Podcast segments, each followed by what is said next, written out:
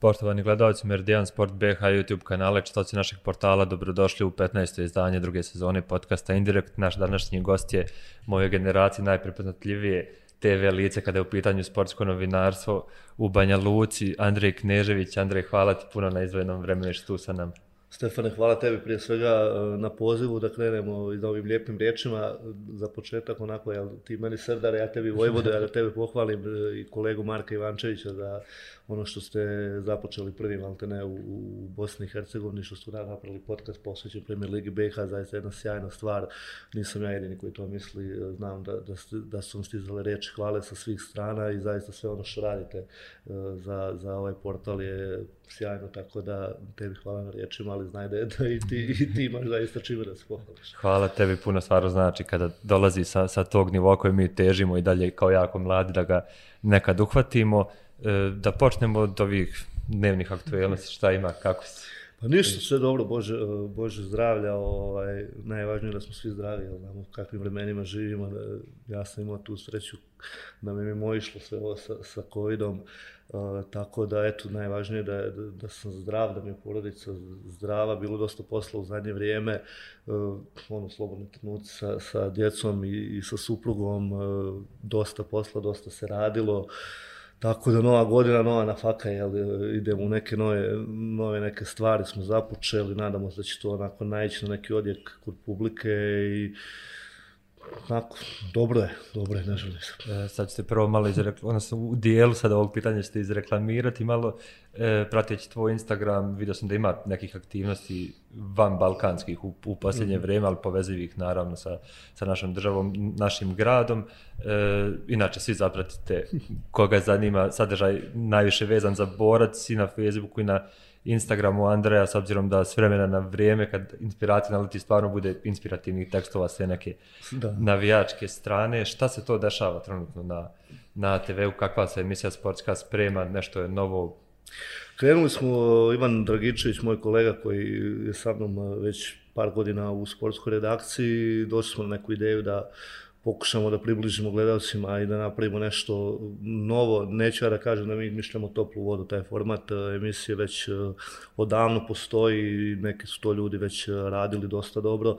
Nije da smo išli da ih kopiramo daleko bilo, ali smo pokušali da na ovim našim prostorima uh, Eh, pokušam uvesti ne, neke novine. Mislim da u bilo kojem poslu šta god da radiš treba da težiš nekim novim visinama, da probijaš neke sobstvene granice, eh, da ne ostaneš na nekom, ajde da kažem, da se zadovoljiš nekim stvarima koje si uradio, da živiš od neke, ne stare slave, daleko bilo, ni, ni ja imam neku slavu, ni bilo šta, nego jednostavno da pokušaš sam sebe, sam sebi da dokažeš da možeš još više i još E, bolje. E, tako smo došli na ideju da probamo da stupimo u kontakt sa našim prevashodno našim, znači odavde sa, sa ovih naših prostora iz Banja Luke, e, Republike Srpske sportistima koji su ostvarili zaista zapažene rezultate, e, sportske rezultate i koji su prije svega dobre ljude, da ih malo upoznamo u tim njihovim gradovima, e, gdje rade, kako rade, kako ih tamo doživljavaju e, i navijači i, i ljudi koji su svakodnevno sa njima e, u kontaktu. Naravno,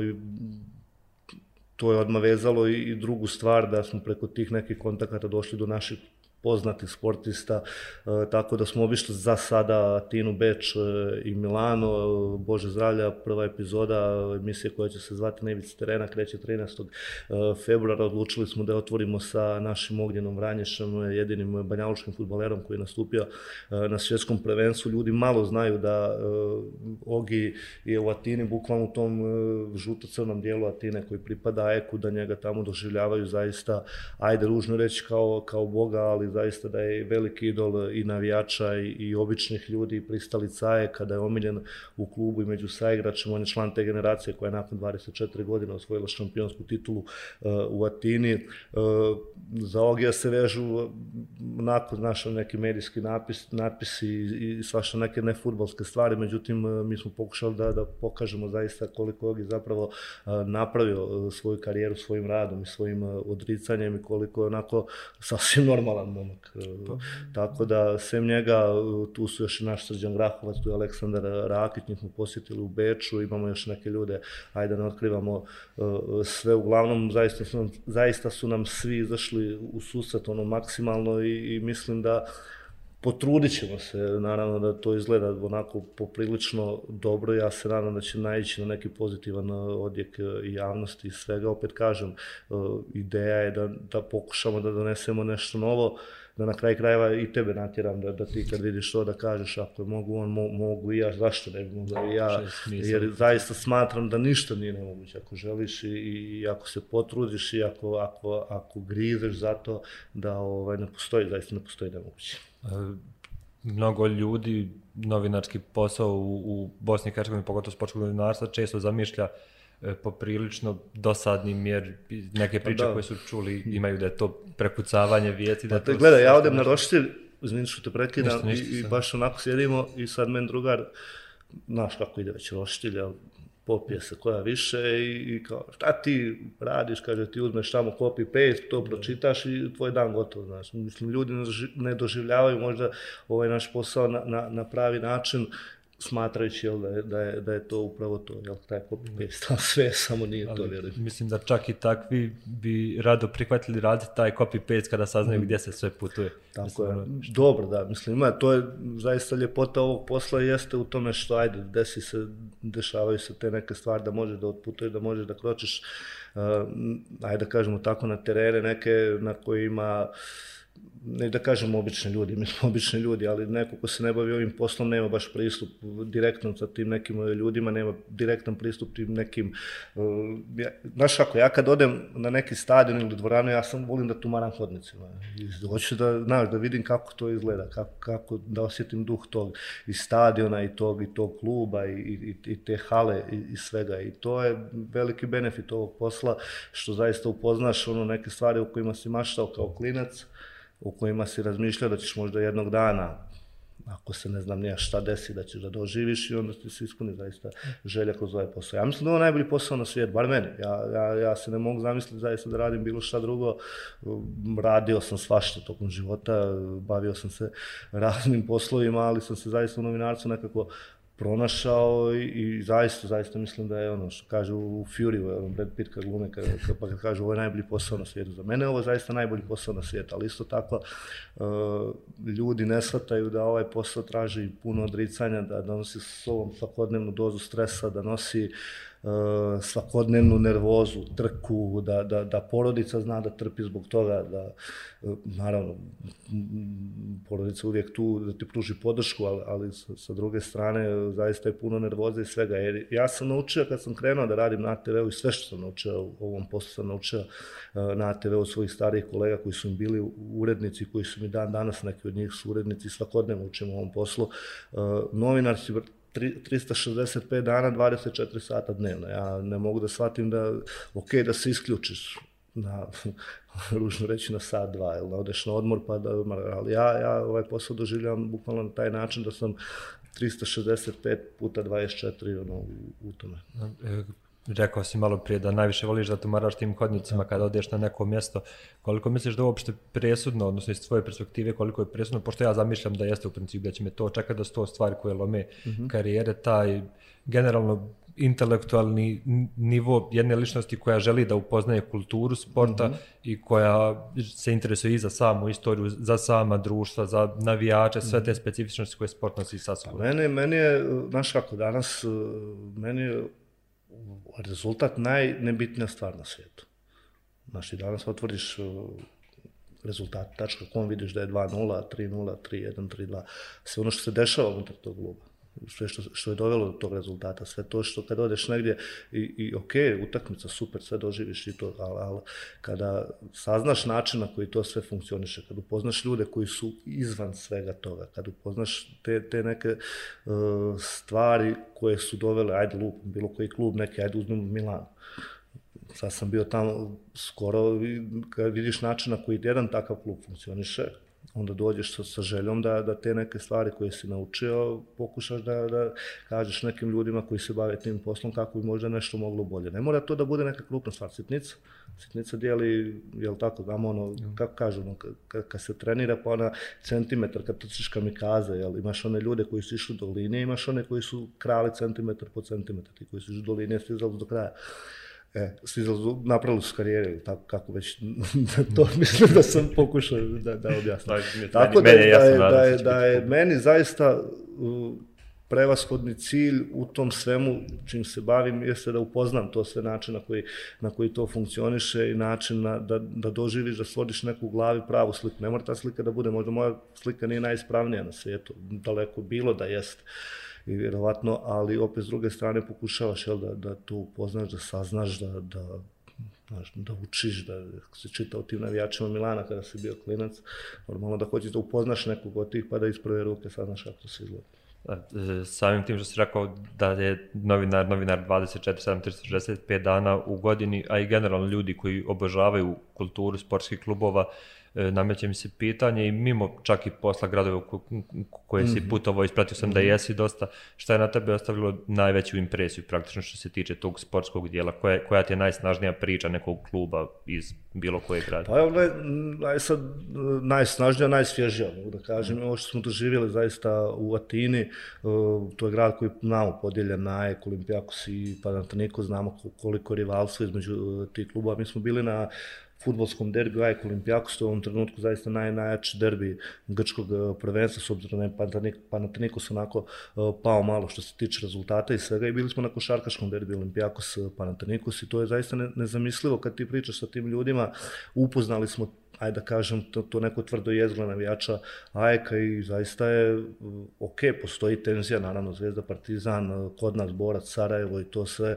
ali ti kad vidiš sa, sa kako da kažem, mržnje možda naj, naj, najadekvatnija no, riječ. Pa, okay, koliko to je god, sporta, mislim, koliko god bila onako i gruba i sve, ali, ali to su zaista taj dio grada, Atina kompletna tolika je zaista podijeljena, podijeljena na, na ta tri kluba. Recimo, Ogi nam je pričao da uopšte ne ide u Pirej. Da ne, uopšte rekli su mu u klubu, nemoj čovječe da ideš tamo, nemaš potrebe bilo šta da, tražiš namo, niti Olimpijakosovi dolaze u te dijelove grada gdje, gdje se nalaze, tatno se zna gdje ko ide, gdje, dokle može uh, da ide, tako da, ono, to mi je zaista bilo, znao sam, znao sam da, da je zaista velika netrpeljivost između tamo, između navijačkih grupa i uopšte ta netrpeljivost između klubova, međutim, kad to saznaš onako iz prve ruke i kada ti ljudi ispričaju neke priče, onda zaista shvatiš onako da, da je to uh, prevazilazi granice normalno, znaš, ono, da je to ide, bukvalno se ide iz krajnosti, iz krajnosti u krajnost. Zanimljivo mi je bilo, recimo, kad smo bili ispred San Sira, da sam vidio, poznavajući italijansku navijašku kulturu i sve, zanimljivo mi je bilo što ispred San Sira stoji billboard uh, posvećen Juventusu. Ja sam, da, znači, zapitao sam se sad da, da me neko bilo koliko gleda ovo ne svati pogrešno o, koliko bi billboard Sarajeva opstao dakle, pored gradskog stadiona u Banja Luci obrnuto. To mi ono bilo zaista, onako stao sam, nisam mogu da vjerujem. Nam je Rade Krunić ispričao tu priču da to više nije baš tako tolika netrpeljivost da oni u suštini bukvalno naš na utakmicu navijači Milana Intera idu zajedno. Mi smo bili na Milan Salernitana, momci iz Salerna su normalno šetali među navijačima Milana, nije bilo nikakvih sukoba, nije bilo ničega. Tako da, ali to mi je zaista onako ostalo utisak s obzirom na to rivalstvo je, koje postoji. Ta navijačka kultura represijom početkom vijeka ugašena, tako da odvojeni su ljudi. Tako da, mislim, to ste, jel, tako ne moderno futbola koje su uzeli danak. Uh, iako novinar nikad nema mjesec dana, uh, ti svoj medeni mjesec ispravim ako griješim, možda i griješim koliko se pamtim sa tvojih objava na Facebooku, tada si proveo u Napolju. Koji meni... Pa, to je bilo prije, prije, Aha, sva, prije svadbe, to uh, bilo supruga, ja smo bili u Rimu, pa smo iskoristili dan jedan da idemo u Napolju. Ona je onako u Napolju sam trčala za mnom i govorila ti si lud, ti nisi normalan, pošto sam tražio čuo sam da postoje te suze Diego Armanda Maradona, da. negdje ja sam kumuva bez glave trčao tom glavnom ulicom, znači, kada ih nisam ni pronašao, nema se. A dobro, ja sam specifičan grad, mislim, meni je ono najimpresivniji, pogotovo i sa te futbalske strane, da niko sam posjetio. E, koliko si tamo uspio doživjeti futbal? Mislim, mnogo ljudi kaže, i ja sam imao taj primjer da ga doživim tada preko ljeta kada mm nije sezona, doživio mm sam ga u gradu da je tu, da je prisutan, da Pa da, tamo bukvalno zidovi dišu futbalom. Ti vidiš na tim ljudima da je to bukvalno taj grad i ono, sav, sav, savi u futbalu i taj uopšte taj njihov južnjački mentalitet koliko je zapaljiv i koliko je vatran. Ti ne možda ostaneš imu na, na, na, pogotovo na te neke murale koje su posvećene, posvećene Diego Armando eh, Maradoni i kad znaš što taj Napoli u stvari kako i funkcioniše i, ka, i šta se sve dešavalo tih godina kad je Maradona eh, bio tamo za mene, to onako bukvalno ajde da kažem, mjesto hodočašća za svakog futbolskog zaljubljenika da ode tamo bar jednom u životu da vidi. Ja nisam bio sad, da pričam, ja sam bio u Napolju, ne znam nijakoliko, ali normalno da, da, da kad odeš samo da prva pomisao jedini motiv da odeš tamo je futbal i, i Maradona, ne, ne, nema ni jednog drugog. plaže nisu nešto pristupačne, jeste grad na moru, ali ono... Znaš, da, i to je zaista nešto onako što zaista treba doživjeti. Da, e, kada ti sad oduzeo sav lokal patriotizam koji znam da imaš ogroman u sebi mm -hmm. i odvojio od toga da ne možeš da živiš u Banja Luci, da moraš da biraš svoj život u jednom od gradova, ali samo zbog sporta koje se do sad upoznao. Pa išao u Bogatinu, definitivno. I ne samo zbog sporta, nego i generalno zbog Atine i tih 300 dana sunca i mora i svega. I, i mislim sad, nije da se, sad da se hvalim, nešto sam bio ovdje, sam bio tamo, da, Pa ti nam je zaista onako legla. Stvarno, to, to nam je jedna od tema glavnih priča da prenesemo taj svijet novinarstva. Da, stvarno mislim, ono sve, prelijep je grad, prije svega drugo, što sve ti onako i na dohvat ruke, metropola, kakva i jeste, i, i da ne govorimo o tome, znaš, o tom futbalu, o toj košarci, o toj, o toj pasiji koja, koja živi na ulicama, i zaista ti nam je onako ostavila najveći, najveći utisak na, na, na, sa te neke, da kažemo, jel, sa te neke sportske strane i tog uopšte tog luđačkog mentaliteta koji koji ljudi nose u svom DNK koji im je ono bukvalno imaju u DNK usađeno to sve što što nas u sebi. Za koga bi navio ova tim? Pa Zajek, vjerujem mi Zajek. Eto, možda da sam pitao ovo prije nekih deset godina, rekao bi Olimpijakos, ali ovaj, Zajek definitivno.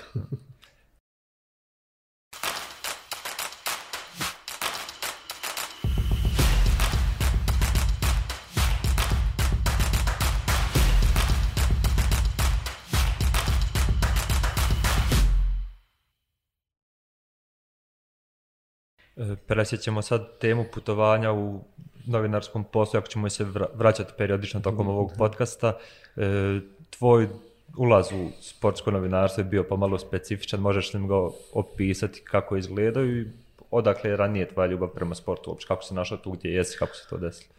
Ja sam uvijek, to mi pokojno otac je prenio ljubav prema knjigama i stvarno sam volio da čitam i kad sam ono, osnovna škola, pa sam ima mrsko bilo te lektire i to sve da pišem, to uvijek neko bilo zanimljivo. Uvijek sam volio da pišem i nisam nikad razmišljao da se bavim poslom. Stvarno nikad, nije mi bilo ni, ne znam, ono, što kajem u, u peti da, da, da se bavim novinarstvom. Sjećam se 1999. godine, ono, bilo bombardovanje Srbije sramno od strane NATO pakta i neki sastav sam pročitao, napisao, pardon, I taj sastav je čitan na nekom protestu školaraca, bla, bla, bla, bla, bla.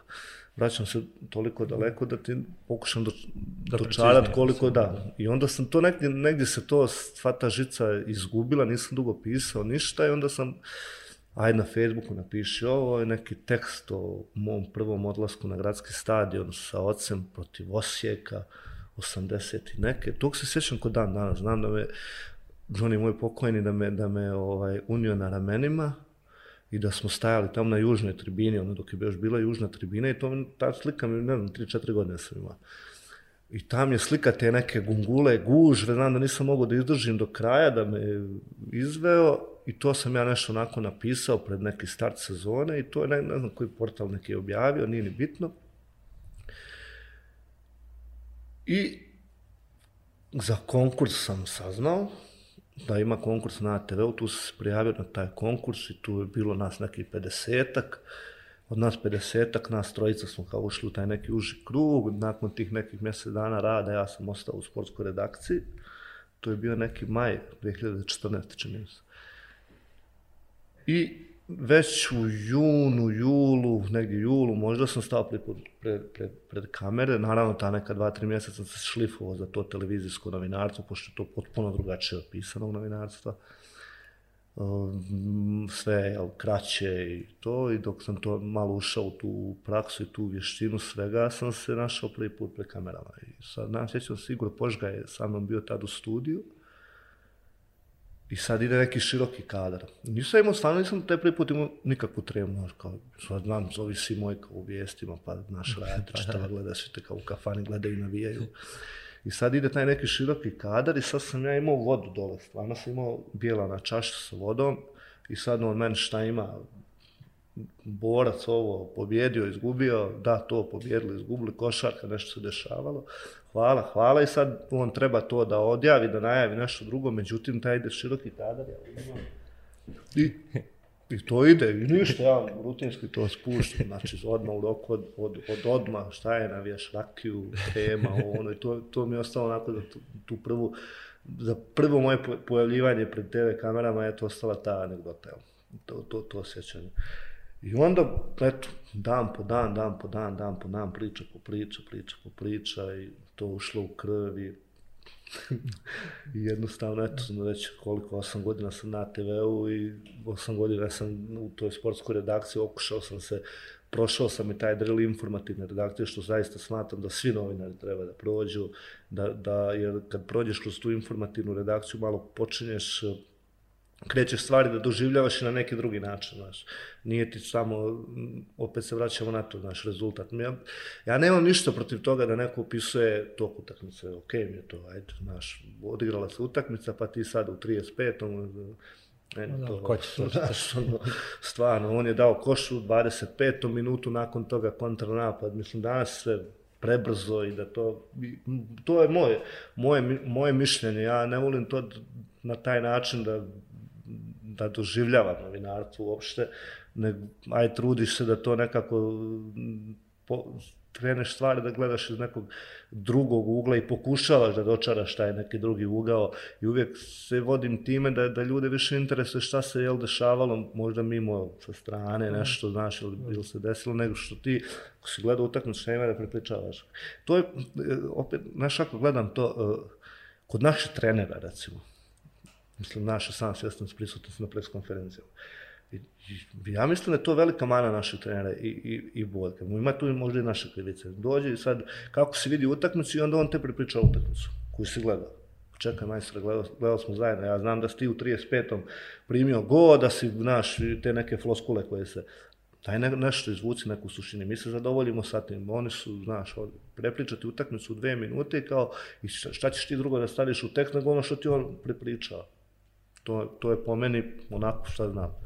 Ali dobro, to je. Kada pamtiš taj period, prvo onaj kada si i prije rada u novinarstvu, pratio novinarstvo, pa onaj u kojem si počeo mm -hmm. današnji, koje su tu razlike? Da li evoluira sportsko novinarstvo kod nas ili stoji na nekoj tačci? Ja lično imam utisak da je previše, previše, previše ljudi i dalje radi po principu koji se radilo 60-ih, 70-ih i to mi ono strašno smeta. Kako ti svojim očima vidiš Zato sam rekao ti, Stefan, ti, Bože, ti Marko, što ste ovo uradili. Vi ste napravili neke stvari koje su donijele... Ne da ja tebe hvalim što si tu, ja to tebi pričam iza leđa. ovaj, znaš, to, te, to, to je ono što pričamo tim nekim novinama, jel? Da pokušaš bar nešto da, da doneseš novo. Slažem se da postoje, da, da se i dalje, ko što se radilo 60-ih, 70-ih, 80-ih izvještaj s utakmica i sve da je možda ostalo na, na, na tom nekom nivou. Da li sad fali neke nove energije, neke svježe krvi, da li su ljudi jednostavno ok, ja sam to radim, to je meni, meni ok, um, ne znam, da postoji, ne mogu reći da, da, da stoji, daleko od toga da stoji. Znači, svi se mi, svako od nas se trudi, svako od nas ko se bavi ovim poslom smatra, bar ja mislim, da, da smatra da radi to najbolje što može i najbolji, da je on najbolji u tom poslu. Tako treba svako da razmišlja. Uvijek treba da razmišlja da se najbolji u svom poslu. Bar, bar ja tako, tako gledam stvar. Ne samo u poslu, u životu uopšte. Ako, naravno, uz pokriće i sve. E sad, da postoje stvari koje, koje mogu da se unaprede, postoje. Da postoje, da treba možda uvijek, uvijek treba da se uči, da se gleda, da, da, da, kako rade one druge kolege. Ajde da pokušam, znači, ako ona, ako vidim, ja gledam sad s televizijske strane, ako vidim neki dobar prilog i sad vidim kako on to nešto, te neke kadrove, kako ovdje, ajde da pokušam. Možda ja to ne izvedem na najbolji mogući način. Možda to moje bude katastrofa, ali ajde da pokušam. pa će možda prvi put biti loše, drugi put će biti bolje, peti put će već biti pristojno. Pristojno. I danas je novinarstvo potpuno drugačije nego što je bilo prije, prije pet, a kamol prije ne znam nekoliko godina. Znači, svjedoci smo da ja televiziju gledam Nick Junior, onaj kako se zove Disney World, jel, to, to zbog djece mm. moram da gledam crtane filmove, tako. A zato mi YouTube gori. Znači, ja sam preš, prešao na YouTube, prešao sam na, na, na sve te neke digitalne platforme. Sramota moja je, ja sam, meni dan nije, nije mogao da počne bez novina. Ja sam zadnji godinu dana, ja kažem, sramota moja je što sam izgubio tu naviku da, da prelistam novine. Ja danas ustanem i na portalima šta se desilo tokom noći da znaš da se u nekom toku da prilike projektuješ dan u kom mogu pravcu da ide. Meni je jako krivo zbog toga. Meni su novine bile, znaš, ono, kad šušti ušti papir i, i ta ljepota tih novina. Ja sjećam tam 97. 8. godine, kad već, znači koliko već prošlo godina, Pa ti čekaš onaj tempo da izađe sredom, pa čekaš onaj žurnal da ti dođe, znaš, pa da pročitaš nešto šta se dešava. Danas je sve tup, tup, tup. Ano, mislim, jasno je s neke strane da je to bila potreba u nekoj kratkoročnoj evoluciji čovjeka, ako mm -hmm. 20 godina, da širenje informacije bude brže, ali šta je ono sa da, ljudske sve, strane, šta smo izgubili tu? E, pa izgubio si to da ti više, apsolutno, tebe bombarduje sa svih strana. Sa svih strana te bombarduje informacija. Ne, jednostavno, izgubio si strast za onim što je možda bitno, jako bitno. Znaš, ti neki, kad ti čitaš te novine, lupam, otiš na pripreme u Tursku, pa ti jedva čekaš sljedeći dan da pročitaš neki. Ti danas upališ Instagram, već si na treningu kod njih, znaš, znaš, jednostavno je nekako postalo preobično i pre, pre, pre, pre, pre dostupno za, za mene. I još Pogotovo to što te bombarduju sa svih strana. Sa svih strana milijardu informacija dnevno, razumiješ? I onda jednostavno u tom, u svoj tom bućkurišu svega, teško je naš pronaći nešto što ti onako baš zainteresuje. Ali to jest onda draž. Da pronađeš nešto i da kažeš, bravo, vidi kako piše. Meni tu stvarno puno lično smeta to što e, moj utisak je da ljudi gube lojalnost prema nečemu. Mm -hmm. da u tom kada ti je sve dostupno, mm -hmm. ti mhm. nemaš nikog kome si lojalan, a mislim da svi ti u psihološkom procesu jednog čovjeka će se to prenijeti na neke druge stvari u životu. Mm -hmm. Mislim da ono u startu time iskrivljena slika, ono to mi puno smeta. E, šta je tebi bilo i u to vrijeme šta si najviše čitao od, od štampanih medija, a i sada kada kažeš da puno pratiš šta drugi ljudi rade, koga najviše pratiš od sportskih novinara iz Evrope, na primjer, ili s naših područja, koje je tebi najinspirativniji? u moje kući stvarna kultura je bila da se čita politika i opet se vraćam na svog oca pokojnog, on je svaki dan čitao politiku, ja sam od njega naslijedio to da se u kući čita politika, potom sportski žurnal, onda tempo, to smo bili, znaš, meni, meni stvarno bilo, ne, sjećam se oni onaj politikin kiosk kod, kod hotela Bosne i ovde kod SDK što je bio. I sad kod mene u naselju, u Nove Varoši, na onom naranđastom kiosku kod Mike, ne dođe tempo, ja trčim u grad da, da kupim, da ne nestane, da ovo, onda ti, znaš, ono, čitaš te tekstove, to je sport kad je bio, mislim, uh, to, to, su, to, to je bukvalno bilo naš jedini izvor informacija, nemaš internet, nema. ti što pročitaš u tim novinama. Ja, sad ti zamisli koliko je odgovornost tih novinara bila tada.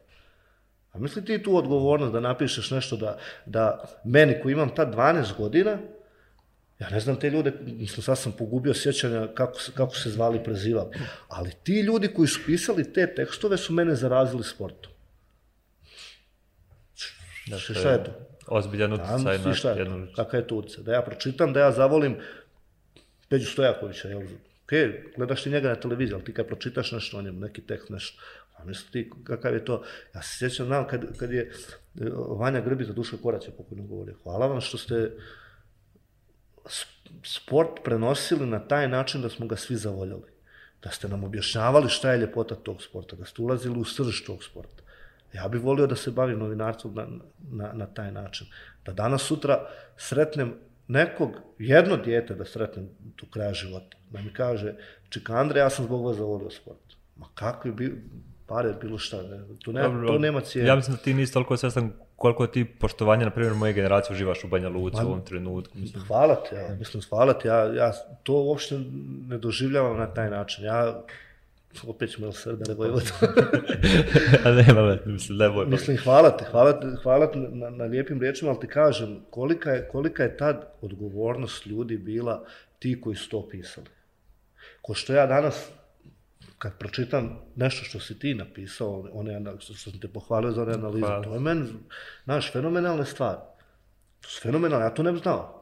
Znači, naš, to stvari koje treba da, da se uvedu, koji treneri mogu da uče od, od tih stvari. Tu, tu postoji tvoja odgovornost i znanja i rada i truda i uloženih sati i, i e, Predrag Ćurković, urednik sata, e, on je govorio, ja poštem svakog čovjeka koji minut napravi televizijskog programa. Minut. Što dvojo neko vrijeme za to? Svoje znanje, svoje, znaš. I to je, sad malo sam otišao u, u širinu. Danas postoje brojne kolege koje, koje s poštovanjem pratim. Poštovanje, možda se ja ne slažem sa njihovim stavovima, privatnim, ličnim. Voli ovo, voli ono. Znači, ne ulazimo u neke stvari. Ali ono što pišu, i na način na koji pišu, budem ljubomoran. Budem ljubomoran. Poželim, ja, što je, kako se ja nisam sjetio ove rečenice, znaš, pa zapamtim, znaš, pa, neću da je kopiram, daleko bilo, a, a budem da, ljubomoran na način na koji su doživjeli, možda smo bili na istom događaju. I onda ta njegova percepcija tog događaja ti otvori širom oči. Zaista, meni je izuzetno drago, pošto kod nas, kod nas je percepcija takva da se sportskim novinarstvom bave novinari koji nemaju prođu u nekim, u nekim ozbiljnim ajde da kažem, ne redakcijama, nego u ovim nekim kao temama. Meni je, meni je žao što je politika prevladala u svim porama našeg društva i što, što jednostavno ti, znaš, kad se bavi sportom, aj kao to je boza, znaš, nije boza, se razumijemo. Znaš, sport je, koliko god bila trivialna rečanica, sport i kultura su gledali jednog društva. I kad god pišeš o, o, o, o, o nekom velikom sportisti ili nečem kad doživiš neki veliki sportski događaj, to treba da bude tema broj jedan. U principu su i dvije najpoštenije stvari što su nam ostale ovdje, jer tu se jedino kvalitet ne može slagati niti e, predstaviti nešto što nije. Znaš, da, ono što kaže Aleksandar Đorđević, možeš ti da mulješ, lažeš, to su teren ne laže. Znaš, možeš ti da pričaš ovdje, ja sad pričam, ne znam, nija bajka, ovo, teren ne laže, tako je, teren zaista ne laže u, u, u sportu i to je onako, za, za mene to društvena sfera koja je Ja dijelim ljude na to, je voliš ili ne voliš sport? Mi formalno i dalje u podcastu nemamo da planiramo nekad samo da postignemo e, sigurnost da će to funkcionisati. Nemamo Q&A dio odvojen gdje ćemo postavljati pitanja publike, ali sam ja od sad po prvi put kad si ti gost uradio neki interni sa svojim drugarima mm -hmm. Q&A e, moram im to pitanje dugujem, već sad kad spomenuo trčanje od Nove Varoši do, mm -hmm. do centra, e, Nova Varoš, nekad i sad Banja Luka, nekad i sad uz tvojih očiju. Ja ovaj grad, znači, teče mi žilama, bukvalno, i stvarno, ne, ne, ne, ono što sam ti spomenuo za tim, to kad baš bilo, ne znam šta da se desi, otprilike, i kad bi, ali, ja učim svoju djecu i, i, i svakog gdje god odem pričam da je ovo najljepši grad na svijetu i uvijek će da bude najljepši grad na svijetu.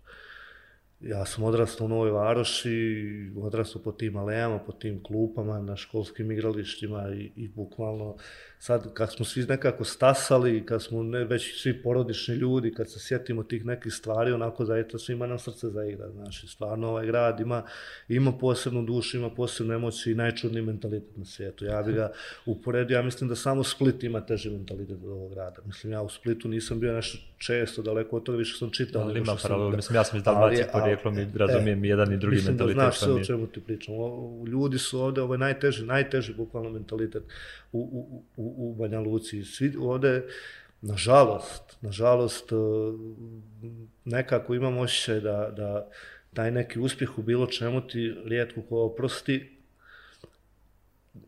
u bilo koje sferi naše, nekako, da, da, tamo da, mi, da je to nekako iskorijenti, da je iskorijenti taj, uh, E, način ophođenja kao ovoj, ovoj ljepoti od grada, da, da, da ti nešto sa, stalno sa gnušanjem, znaš, kao samo da mi je, znaš, kad odem negdje, joj, sam da nisam ovdje. Kad odem, ja, ja ne mogu bez ovih ulica, bez ovih aleja, kakve god da su, moje stvarno su moje, i mog vas je moje tije, koje dolaze poslije mene, i njihove djece, Bože zdravlje da postoje stvari koje se, koje se mogu promijeniti na bolje, postoje naravno, da postoje, uh, da, da je grad doživio neku ekspanziju, jeste doživio neku ekspanziju. Nije to isti grad prije 20, ali ni Banja Luka nije bila ista, jel, vjerovatno 60-ih i 80-ih. Jel. E sad, opet, ja gledam i to, dosta je do toga i s kim si ti, s kim si u kontaktu, s kim se družiš, s kakvim ljudima da, se družiš. I onda, ako si ti stalno sa nekim, naš, ne znam, ko, ko, ljudima koji ga ne doživljavaju na pravi način, normalno da ćeš možda steći utisak, je, znaš, nije pusti ovo, da, daj mi da idem, da živim negdje, znaš, da, znaš, tamo sve imamo, čekaj, da ti imaš i ovde sve. Treba, znaš, treba da voliš vrbat, ali ako voliš vrbat, brate, nemo, onda, aj se potrudi da taj vrbat bude čist, znaš, mi svi pričamo kako vrbat treba, znaš, ne treba ovo, ne treba ono, a dođeš na, na izletište, puno smeća, pa čekaj, aj, podigni to smeće barbaci u kantu, znaš, ili, ili ne znam, uradi nešto za taj grad. Nemoj da ga kudiš, da ga osuđuješ, da, da tvoje. Ja to gledam tako tvoje.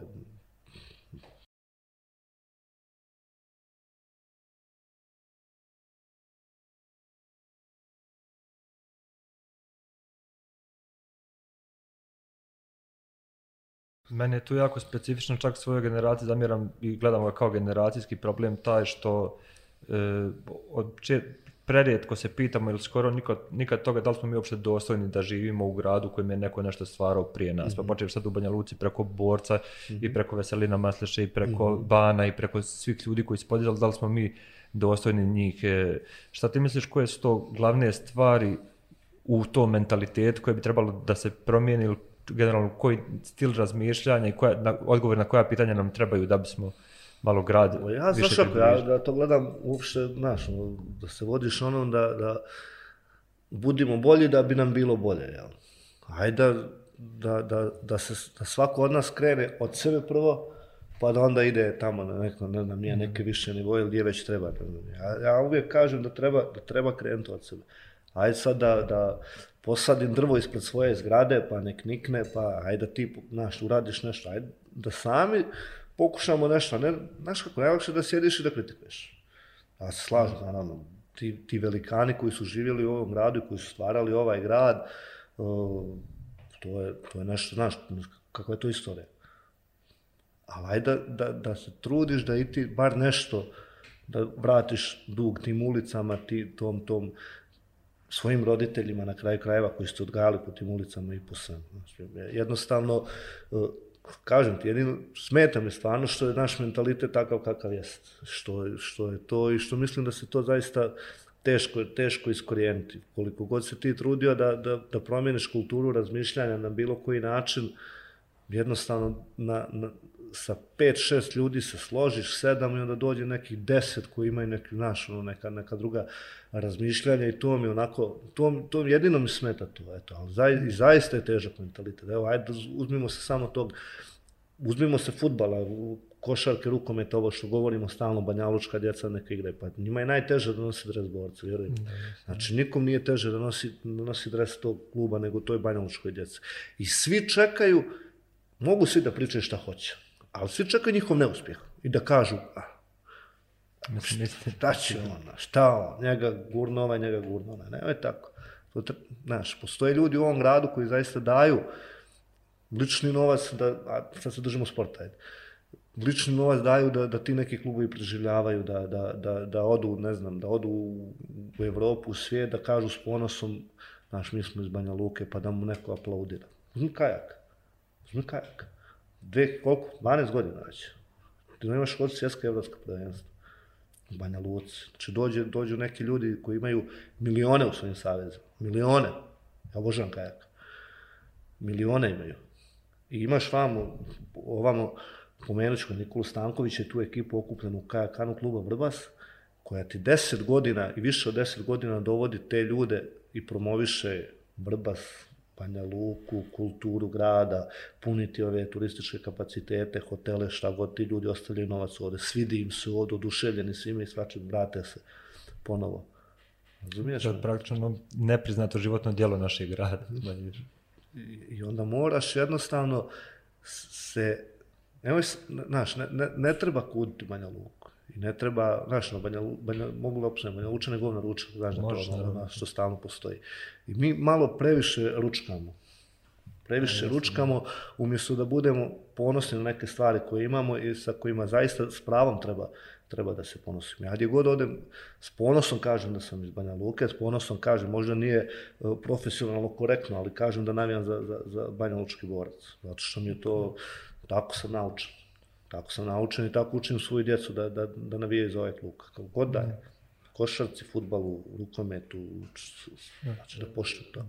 Da ne možeš, znaš, uvijek, uvijek nam je slađe tuđe, i uvijek gledamo, znaš, tamo kako je tam, a ovdje Znaš, odeš tamo, pokondiriš se, misliš da si neko i nešto, kao, znaš, čekaj, majstore. Ko Tesla i Smiljana bio čovjek. Moj komšija. Mislim, nije velebit nas dijeli, ali dobro. Ovaj, e, misliš uopće da neko može imati perspektivu da se bavi na ozbiljnom nivou sportskim novinarstvom ako nikad nije bio navijač bilo koje klub? Ne, pa naravno da, pa imaš sijaset, sijaset slučajeva to, ne moraš i da budeš navijač da bi bio sportski novinar, ali opet moraš da, da osjećaš tu tu, tu žicu jel, u, sebi da osjetiš da voliš sport, ne da to radiš. Opet se vraćam na to, znaš. Bila priča jedna kako je sport, kad se gasio, sport, čuveni sport, kad se gasio, da su u toj redakciji, ja ne znam koliko to tako, tako sam čitao, da su u toj redakciji, da su tu redakciju slali ljude koji su nakon bili pred kraj karijere već istrošeni, nezainteresovani za bilo šta, znaš.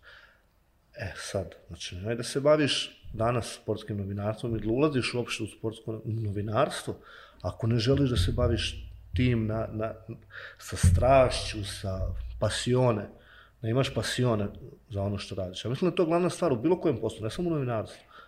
Ne moraš ti sada da budeš da si, da si ne znam ja, divljak, da si, da si, ne znam ja, da si ludo ostrašćen za nekim klubom, za nekim igračem, za nečim, da bi ti e, bio sportski novinar. Šta više? Znači, treba da, i nekad i da suzbiješ tu, tu, tu emociju, ali treba da osjećaš te ljude, taj mentalitet, treba da, da osjetiš njihovu, njihovu borbu, njihovo, za ono, pogotovo ovdje, pogotovo ovdje, ja kapu skidam ovdje našim sportistima šta rade, s kojim problemima se bore, koji to nivo mazohizma, gdje oni, znači, bez, bez ne znam, nija, na koji način se on dovijaju da, da, da, da budu vrhunski, i odu na olimpijske igre, ode na olimpijske igre, ok, ode na olimpijski kada je bio 45. Ok, je bio majstor 45. I znaš šta je on prošao, da, da, da dođe da. do tih olimpijskih igara odavde. Nije imao ni bulumentu, ni ljudi za sebe, ni, ni ne znam nija šta. Nego je krljo, udarao glavom u zid, sam sebi, da ne kažem šta, i ode na olimpijske igre. E tako sve jedno, tako mislim da, da, da to kod nas, da to treba, znači svaki, sportski novinar koji se bavi ovim poslom, bar ovde kod nas treba to da pošli. Nažalost, danas opet ima, imamo jel, situacije svega, daj samo da se pljune, to voli narod da čita, znaš, ono, daj da pljune, daj da kritikuje, daj da, treba da, se kritikuje, stvari koje, koje ne valja i za koje imaš pokriće da kažeš, e, čekaj, to je osnovni zadatak, ja mislim, novinarstva, da ispravlja, ne krive drine, nego da ispravlja nešto, neke stvari koje nisu dobre, da ukaže na te, Ali isto i ti koji, kojima to govoriš, treba to da shvate na taj način, a ne da, da, da, da bilo koju kritiku shvataju na način da je, čekaj, ti mene mrziš, ti mene, ti mene želiš zlo, šta više, čekaj, stani. Ako volimo iste stvari, neke, i to onda, aj čekaj, saslušaj, možda postoji način na koji, zbog čega ti ja to govorim, da bi, da bi, da bi, to, da bi to uradio ispravio kraj kraja. Koliko je tebi lično, na primjer, taj navijački period tvog života uticao na to da puno lakše prepoznaješ neke situacije i klubove i gradove na neki bitan način. Mislim, možda ne razumiju svi gledalci, ali mm. kontamo se o, o čemu priča. Pa to jeste, zaista. taj, to je zaista to način na, na koji se to prolazi, kasnije u nekom sazrijevanju ti odrastanju, pogotovo sad u ovom poslu, znaš, te, što ti kažeš sam te neke, neke situacije. Imali smo Latini scenu sa dva snimatelja sa mnom i mi smo došli pred tog kluba i sad čovjek odmah na telefon, ja sad vidim šta je, pošto ova dvojica ne kontuje ništa. Naravno da ne kontuje. I znači, rekao, vidi, brate, znači, ova izvidnica, pritom ja zovem tog sad svog drugara, Grka, koji se ne javlja na telefon. Dva ujutro je, mrtvi mrak je, u tom dijelu nema, nema duha na ulici. I ovaj se nešto gumunđava i sad ja ne smijem ovaj da kažu. Oni kamere vade, rekao, svako je to. Vide, mislim, znaš kak, ka, kako to tvrdo jedu, nisu baš novinari su personalnog rata. I sreća, ja sad ovaj rekao, ja telefon njemu, rekao, pokazujem ko, koga zovem i šta, a, kao, okej, okay, kao, izvolite, znači, da smo mi sad tu izašli tim kamerama, da smo, znaš, ko zna, znaš, šta je bilo, već su oni krenuli gore na ko su, šta su. I postoje, naravno, te neke situacije gdje, gdje, gdje ti je pomoglo to, ta ulica, je žargonski rečeno. Ja sam u Napolju imao jednu, onak, mislim, blagu situaciju, praktično, došao sam u šest ujutru vozom u grad i ono išao sam do centra grada pješke, imao sam neku mać od PGV-a, ovih poljskih navijača, mm -hmm. njihovog brenda i kako su ono otvarale radnje, automehaničarske kafeterije i sve te druge stvari, samo ono, provališ ko te i kad te gleda. Tako je. I odmah znaš tako zašto te tako je, ko i kako gleda i mislim da mi ono značajna, značajna stvar koji danas u ovom poslu pomaže da, mislim, mi iskopam neki derbi zanimljiv Betis Sevilla, mm. možda nekom van sporta možda i, i nije toliko prijesudan. Da, ali... kad uđeš u tu da. u dubiozu tog svega i kad shvatiš tu istoriju tog rivalstva, bude ti nevjerovatno Pogotovo taj, taj Andaluzija, zaista čudo jedno od toga. Koji tebe par derbija, eto, da napraviš koji te najviše privlače, a da do sad nisi bio ni u gradovima, ni u koje priče ti htio raditi, prezentovati ili doživiti sam? Pa ima onaj dečko što radi na Derby Race, tako? Da, da, da, ono je fantastično. To je zaista, zaista fenomenalna stvar koja, koja, koju radi na, na, na YouTube. Meni je zaista želja velika da odem na, na, na Boca River. Čini mi se da je kolega Pal Bečirević bio na, na, na, tom, na tom derbiju. Zaista mi je želja velika da budem na, na, na Boca Riveri i, i želja mi je velika eto da mislim da ćemo to već u decembru, da ćemo to realizovati ovu Kataru što se sprema da, da Srbija dobije Italijane recimo u finalu, šalim se malo ovaj, mundialita. Italijanima onako privlači, volio bi na Engleze da odem, zaista, mm. volio da, da, da osjetim Jesi čitao moje englesko? Liverpool, Liverpool, volio da osjetim onako baš koliko god bilo, ajde, jel, nekako so pa se, jel, mm. Liverpool, Liverpool, ali to nekako mi je ostala ta ljubav prema tom klubu, to sam isto naslijedio od oca, ovaj, zaista volio da, da, da posjetim Liverpool i osjetim te njihove, taj kop strašni, to sve da vidim kako izgleda. I to, generalno me to, generalno me to, to ostrvo privlači. Bila mi je velika želja da odem u, u NBA ligu da vidim kako to sve izgleda iznutra, to, to mi su stvarili, to smo uspjeli da realizujemo. Sad nekako kažem ti, opet volio, bi, volio bih stvarno da, da, da osjetim tu englesku na taj neki pravi ostrovski način i koliko god, ajde, nije to više ta engleska 80-ih i 90-ih, ali opet postoji ta kultura i tradicija i sve, pogotovo te njihove štampe, načine izvještavanja i uopšte tog. Mislim, englez su englez, da se razumijemo. I... Da, nema, nema tu priču. Koji je tvoj stav prema održavanju svjetskog prvenstva u Kataru?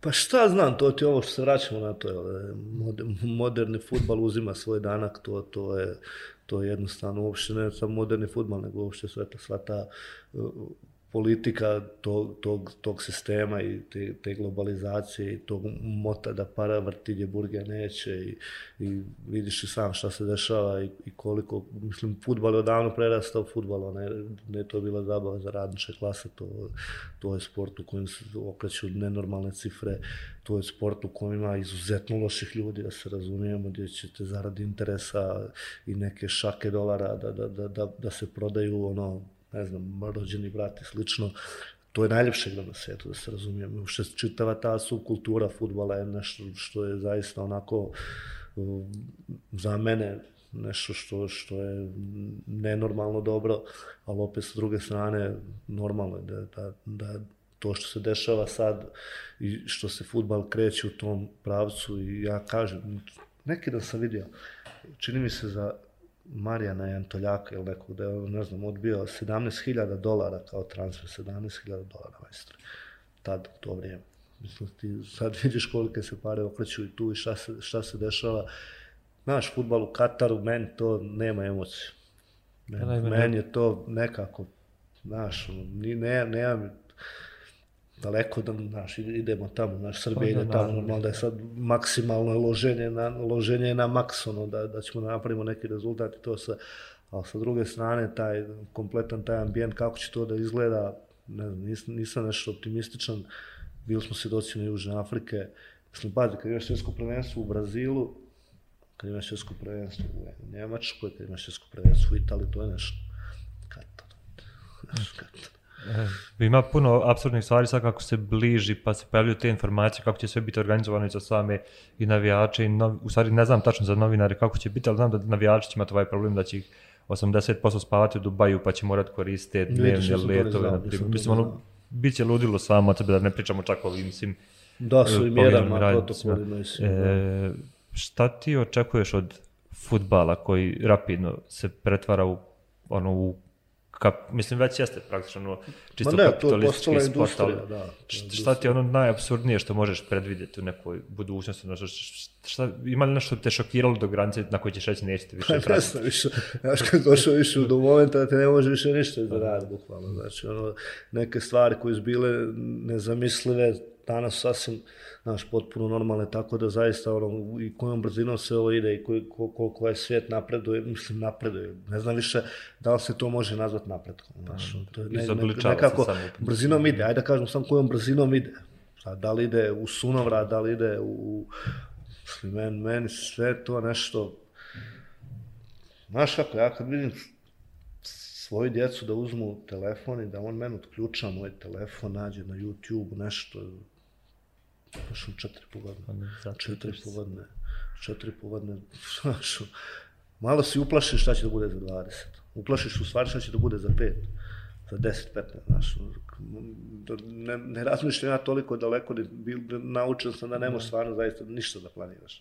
Šta god da planiraš, uglavnom bude ono kontra od toga, ali al, da te bude onako, pogotovo mene, znaš, roditelj sam pa sad i drugačije gledam na, na neke stvari, znaš, ne, gledam, ne možeš da gledaš na, iste, na, na isti način stvari koje si gledao prije deset godina i razmišljaš tako sad, znaš, kad imaš dvoje djece, ja imam dvoje, pa plašiš se jednostavno. Ja, ne, ne, ne u smislu da, da me strah, nego jednostavno znaš ono, pa, kako, jasno, da, jasno. kako da odreaguješ, kako da, da, da, da se postaviš uopšte. Znači, nije to samo stvar sa futbalom, kako ne govorim pa, ti uopšte. Da, skoro sam gledao na HBO, ima serija e, britanska Years and Years se zove, e, preporuka svima, ima samo 6, 7 ili 8 mm. maksimalno mm. epizoda, koja predviđa tu blisku budućnost za mm. e, 10-15 godina šta bi se moglo dešavati na na svjetskom, na globalnom nivou i stvarno ima absurdnih stvari, ali koje kad se pogleda izgledaju potpuno realno. Mislim, mm -hmm. meni je čak ono najbliži primjer šta će, može izazvati najveću paniku ikad u istoriji čovečanstva. Mislim, šta ako se jednog jutra probudimo i sve banke budu samo zatvorenih vrata i bankomati ne radi. Pa da, to što je rekam to naš, ja govori, ajde da, da slovimo sistem, da dignemo pare svi iz banaka i to je to. Pa eto, ono... vidiš, eto, eto, ali ne me to iznenadilo uopšte. Pa čekaj, imao situaciju sa ovim COVID-19, kako se dešavalo se. Ja se sjećam, mi smo bili, mi smo krenuli za Anta, ali od tad, Bože, i tamo je krenula neka priča oko toga, kao krenulo se rasponsavati, i dvoje kineskih turista je bilo na, na, na aerodromu u Sarajevu. I tu je bilo bukvalno neko, da, da, da me ne sveti neko pogrešno, ne, nešto, ovaj, imam protiv uh, Kine, Znaš, bilo kao, ne, za, kao, znaš, COVID i to nešto. I onda smo se vraćali iz Istambula, već je krenula frka, znaš, kao, zatvara se, drži ne da šta se dešava. Čeč, bože, to u 48 sati se promijenio život. Svijet se promijenio, bukvalno stavu se. A što je stane kad, kad, kad ono, Rolling Stones i Ghost, Ghost Town, ona pjesma, mm. ono, ti gledaš taj New York, London, ono, čuću, bože, nema duha na ovdje. Aj, čekaj, ja mogu da razmišljam što mi prije dve godine. Pa nema šanse. I onda se pojavio onaj film, kako se zaraza, jel, kao koji se krenuo masovno gledati tih dana i to su. Tako da, zaista me ništa me ne može iznenati više. Nažalost, ovaj, čudna su neka vremena došla, opet kažem, mi smo u tom nekom mikro, mikro, mikro, mikro, onako maleni sve, ali opet ne trebamo ni mi da, da, da se ponašamo tako da smo mikro, mikro, nek da se trudimo, ajde, da se borimo na, način da, da na, ja opet kažem, daj da nama bude bolje, da se mi trudimo da budemo bolji, pa će valjda i to nešto oko nas biti, biti bolje. Ne treba, znaš, ne treba tontu tu neku dubiozu i depresiju, nego ajde, daj da budeš optimističan koliko toliko, mada je, da je teško, teško.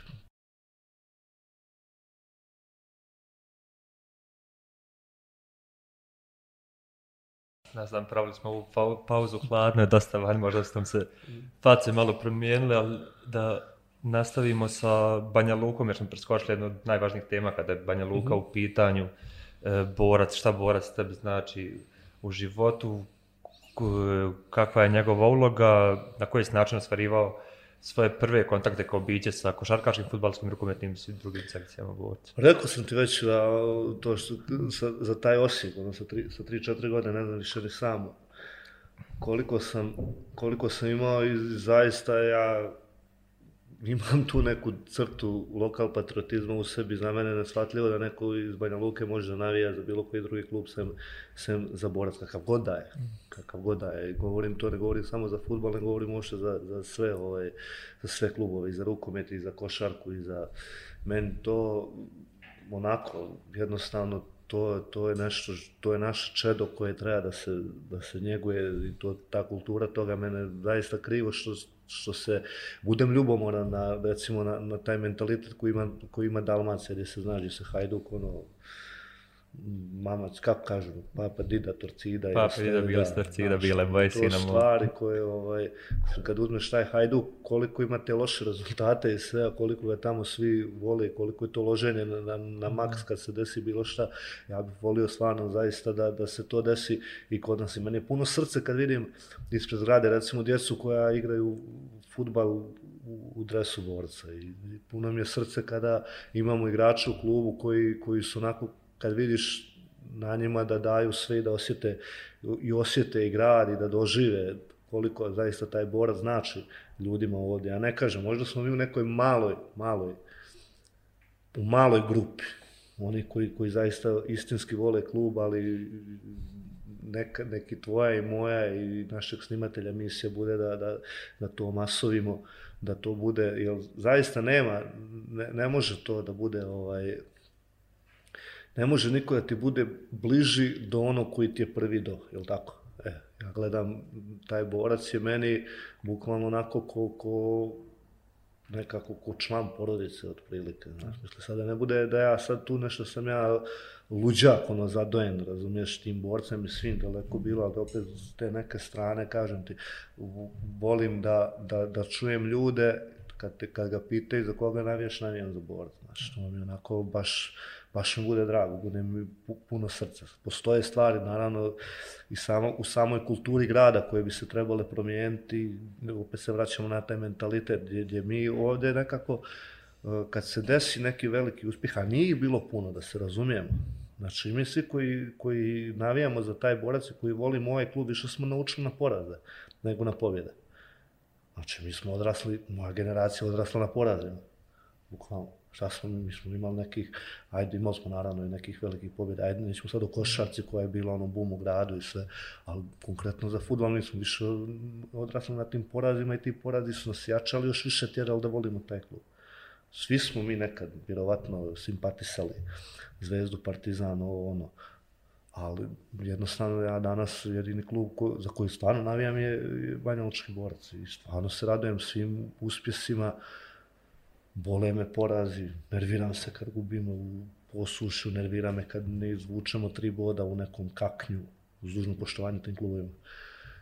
I zaista mislim da, da svi treba da se potrudimo da, da, da kroz neke priče da, da, da dočaramo ljudima važnost tog kluba za ovaj grad. Jer zaista je taj klub je prožet, istorija ovog grada je prožeta tim klubom. Ja, kad kažemo velikan iz Platonove, da se ne lažemo, nismo imali nekih velikih uspjeha, pa da kažemo velikan. Nismo, ali opet, opet, smo, opet je taj klub jednostavno uh, neraskidiv sa ovim gradom. I svi iz Banja Luke, uz, ajde da kažemo, i ona, one starije generacije, to su zaista na ličnom primjeru, su uvjere hiljadu puta, znaš, gdje spomenju Marijana Beneša, Slaviju, rukometni klub, borac i to se, mislim. Mi nam stvarno zaista čini da se ponosimo. Jes, taj borac u rukomet bio šampion Evrope kad prije 40-50 godina.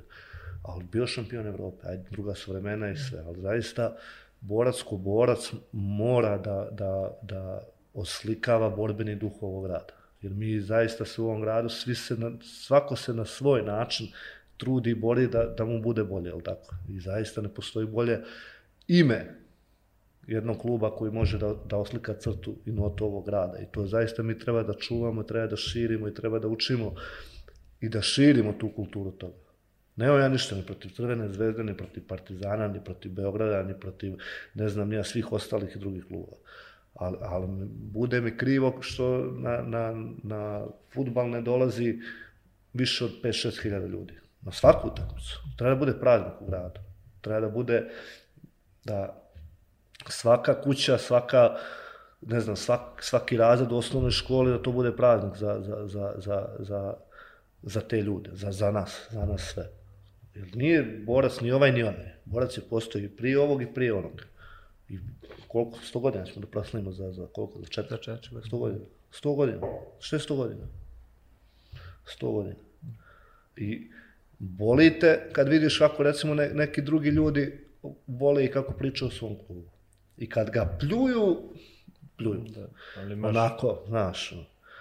I, ali postoje te iskre u očima kod nekih Da. navijača, sam postoji način na koji zadrhte ljudi kad govore i primijete se. I mislim stvarno da, da sa, te neke, sa te neke strane, mislim koliko god, možda će on nekom zvuča zaista reći šta ovaj lupeta, znaš, ono, za, zadrti luđak, razumiješ, ono zadojen, ne znam, nije ono, Banja Lukom, ovim nekim, nisam daleko bilo, mislim, jesam, ali nisam ja sad da ja sam, na- znaš, čovječe Boži, kad malo bolje razmisliš, to, to je nevjerovatno nešto. Ta sociologija sporta, pogotovo futbala, je jako specifična i jako uticajna stvar u principu i zanimljiva za proučavanje koja postoji.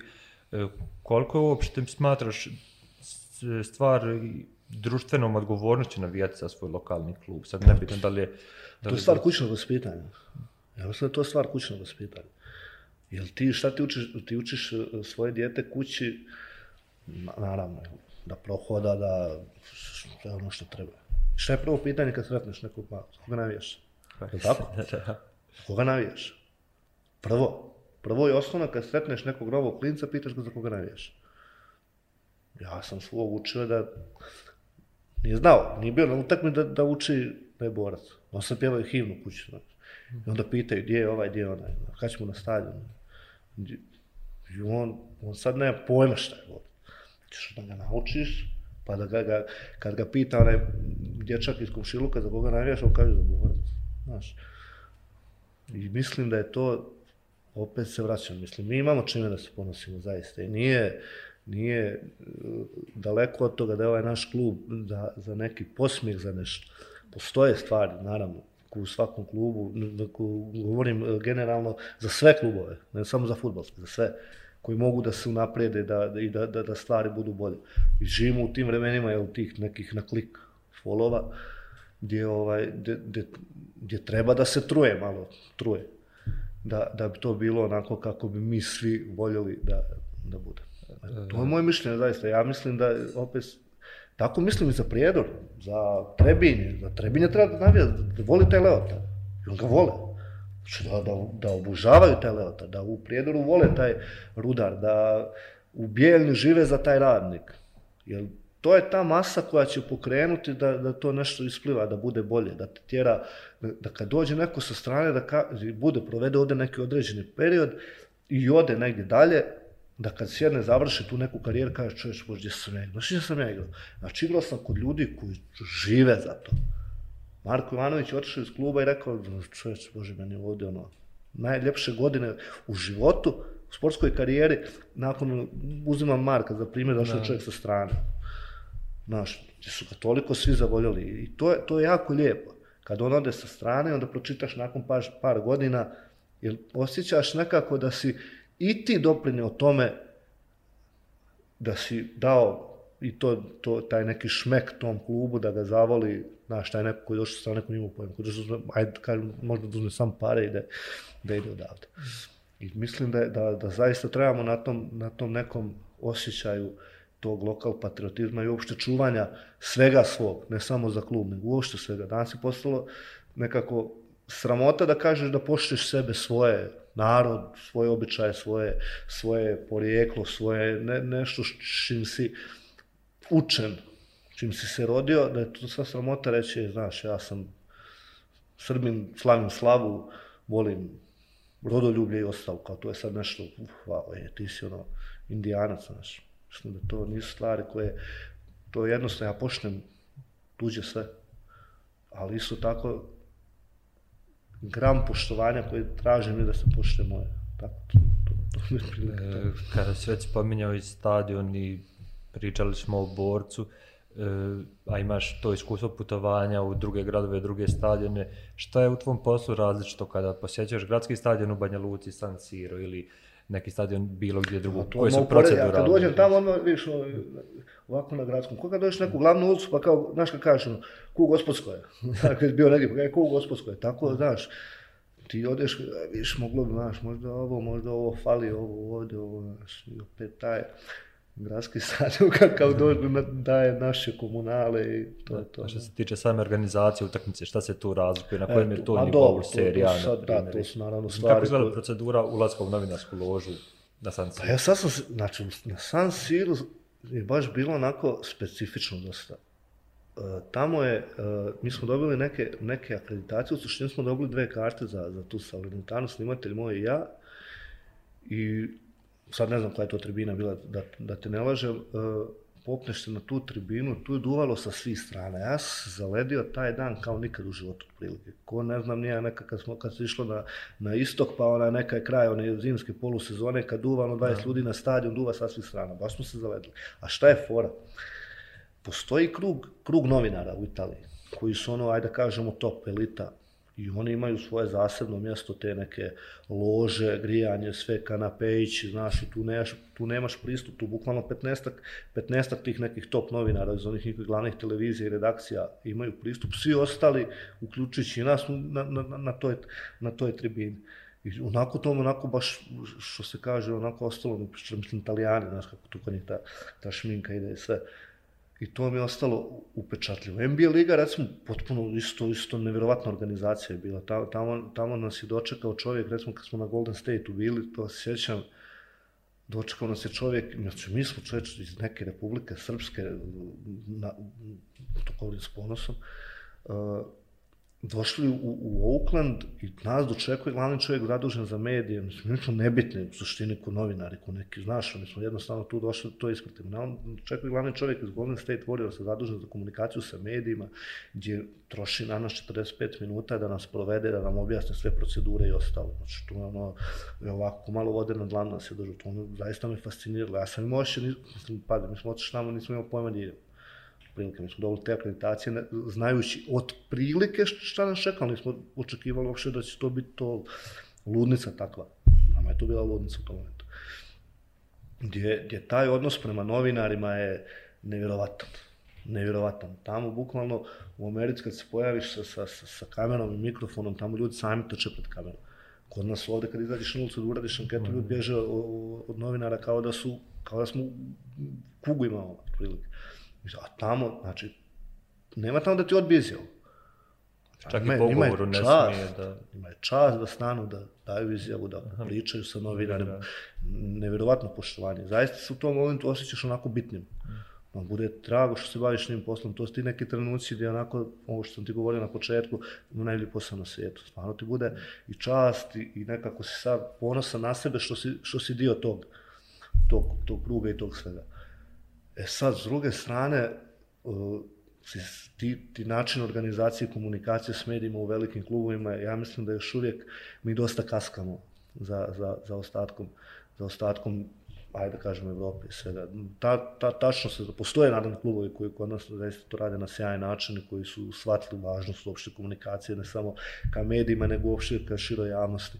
I postoje stvari koje se zaista dale implementirati kod nas gdje e, da se i samim tim klubovima i tim igračima i svima daje na važnost. Meni je shvatljivo da kad, mislim, vjerovatno se suočava i sam sa tim problemom. E, nemoj mene.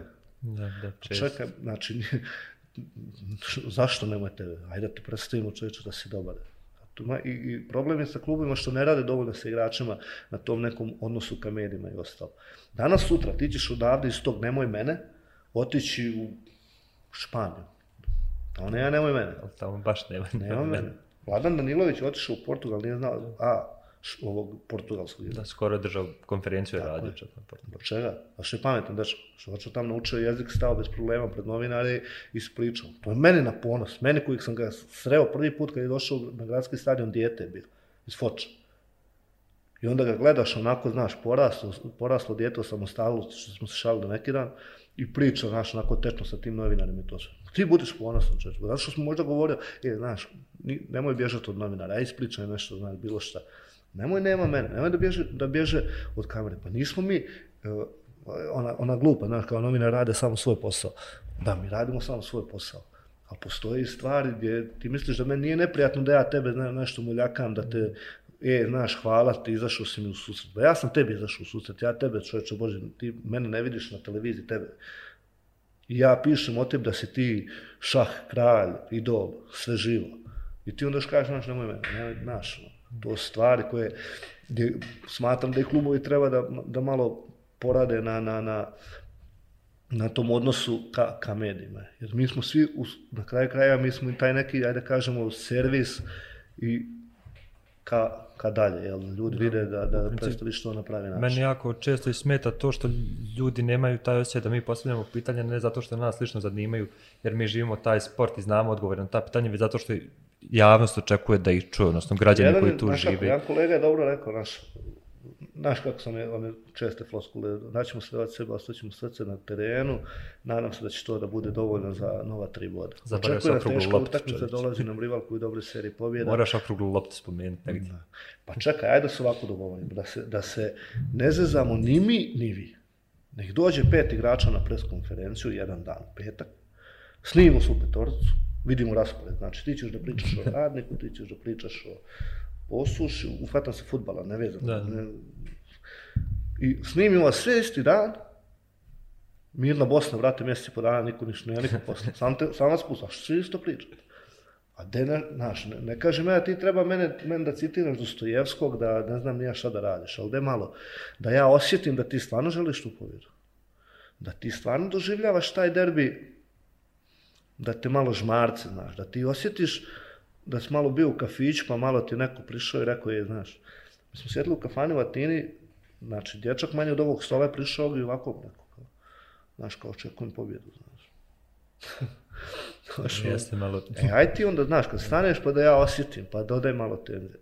Njo Medin Zilkić bio sjajan kad sam svojim izjavama, recimo, neko to smatrao lupetanjem, ali to bilo fenomenalno, pogotovo za nas novinare koji smo težimo tim nekim naslovom ajde da izbacimo tu sterilnost iz, iz, iz, iz svakodnevnog vašeg odnosa i govora. Ali tu postoje onda neke vjerovatno službe koje kaže, znaš kako, ovaj, tad igramo s tim i s tim, nismo ih dobili godinu dana, prošli put, ono, pa ih malo upoznaš, pa ono, pa onda on izađe, malo ga izbriefinguješ, kaže Alex, Sir Alex Ferguson pred svaku preskonferenciju, 45 minuta do sat, sedi sa tim svojim konsultantima. Tako je, koji su zaduženi za medije, koji ga briefinguje, znate šefe, juče su i pisali to je to, vi su pisali to je to, očekujemo da ovaj pita to je to, ček, spreman, ima spreman odgovor na svako pitanje i pritom to radi jako dobro. Govori, a gdje, gdje sad ostali, ostali, ostali veliki treneri, veliki igrači, veliki sve. Znači, moraš da pokažeš da i da si svjestan težine tog posla kojim se baviš i svjestan očekivanja, i te javnosti, a ne da to bude onako, znaš, otaljavanje posla. I još da bude usto, znaš, joj, nemoj mene. Ne, nemoj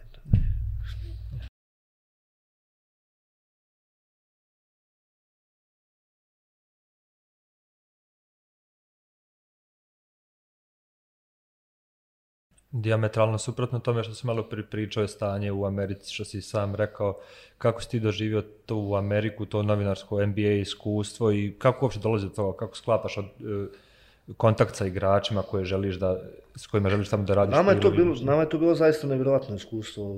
Opet se vraćam na svog kolegu Ivana s kojim, s kojim sam to radio. Nama je dosta pomogao, mislim, bukvalno je bilo ovako, ajde pokušamo. Sava Lešić igraju UK, Sava Lešić kuma Nemanje Vjelica ajde da pitamo Savu. Nazvali Savu, rekli mu, ko ja ću pitat Belog, pa pitać kuma, pa što bude. Nemanja rekao, okej, okay, kao nek dođu, to je bio neki oktobar, čini se. Neka dođu, ali ja njima ne mogu da završim bilo šta tamo što se tiče toga, pres konferencije, te neke akreditacije, to se mora da, se, da idu zvanično preko NBA lige. Tri mjeseca je trebalo. Znači, Ivan je svaki dan slao neke mailove u te neke kancelarije, on se, ja sam prepustio to njemu, bukvalno sam preuzeo tog posla i on je svaki dan. Ja sam u jednom momentu negdje bio kraj decembra, rekao, njemu ti slučaj. Kaže, e, znaš, ova neka ta loti iz kancelarije NBA se javila, ovo, ono. Rekao, ti još to ganjaš? Pa Kada ti još? Pa kao. I to je bukvalno bilo naš, naš, na naš prvi upit neki, dobar dan, mi smo ti i ti, dolazimo odatle, odatle iz te, te kuće, znači, da iskarikiram njihov povratni odgovor je bio ko ste vi. I onda je krenulo jedan prepiska ta, drž ne da iz dana u dan, iz dana u dan, iz dana u dan, iz dana u dan, da bom krajem januara rekao mi dobila akreditacija. Zašto? Kako pa je to? Kada je dobila akreditacija za NBA? Ko? Kaže on, pa nas trojica. Isus, čovjek, tu isprinta mi sam dobila akreditacija. I mi smo tu, ajde, kao, naš, smo išli u neku organizaciju puta i svega i na kraju smo otišli tamo na, na, na te neke tri utakmice. Prevashodna nam ideja bila da dođemo do Belog Bogdana i dole Peđe Divca, koji su bili, Peđe Stojaković i Vlade Divca koji su bili tamo odabrali Sacramento za bazu, plus smo našli te neke utakmice gdje, se, gdje, gdje je Golden State igrao sa Denverom, da prvo onda dođemo, dođemo do Nikoli. Prva utakmica nam je bila bukvalno ta između Golden State-a i, i, i Denvera.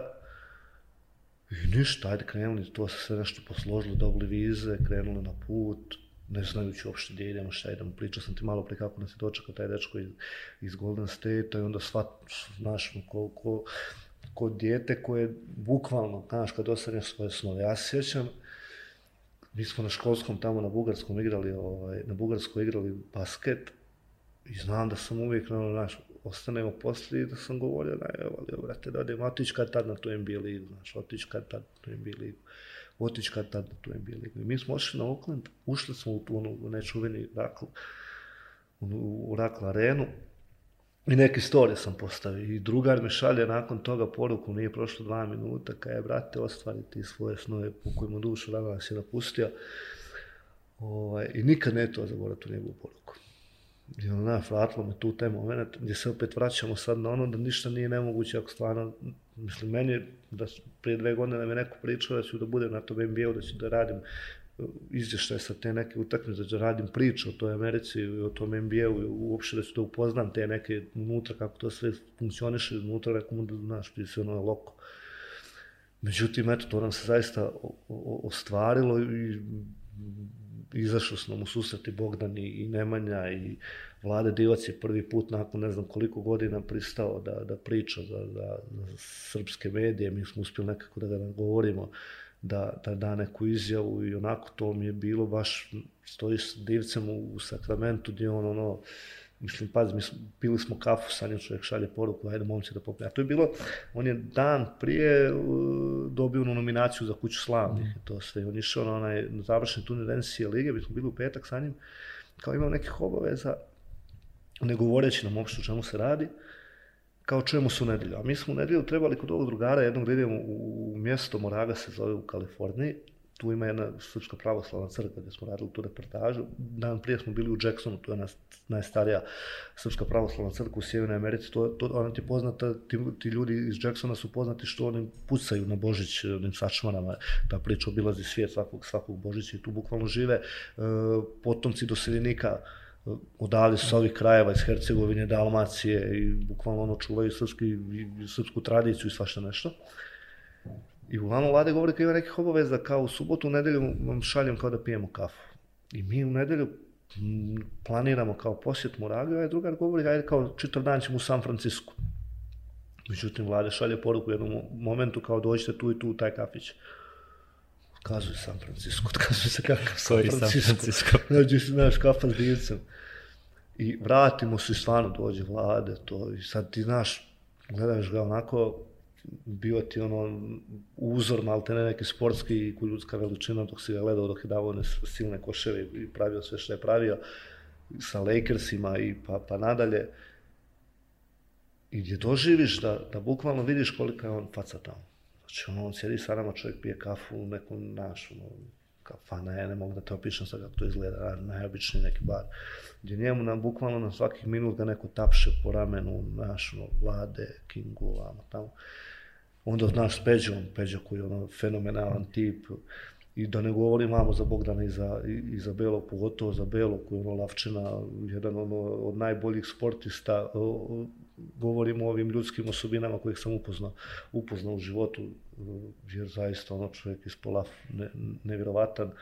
I zaista, svo to iskustvo te Amerike i svega, kad, kad vidiš, kad doživiš, da budete drago i opet ono, jel, radi najbolji posao na svijetu.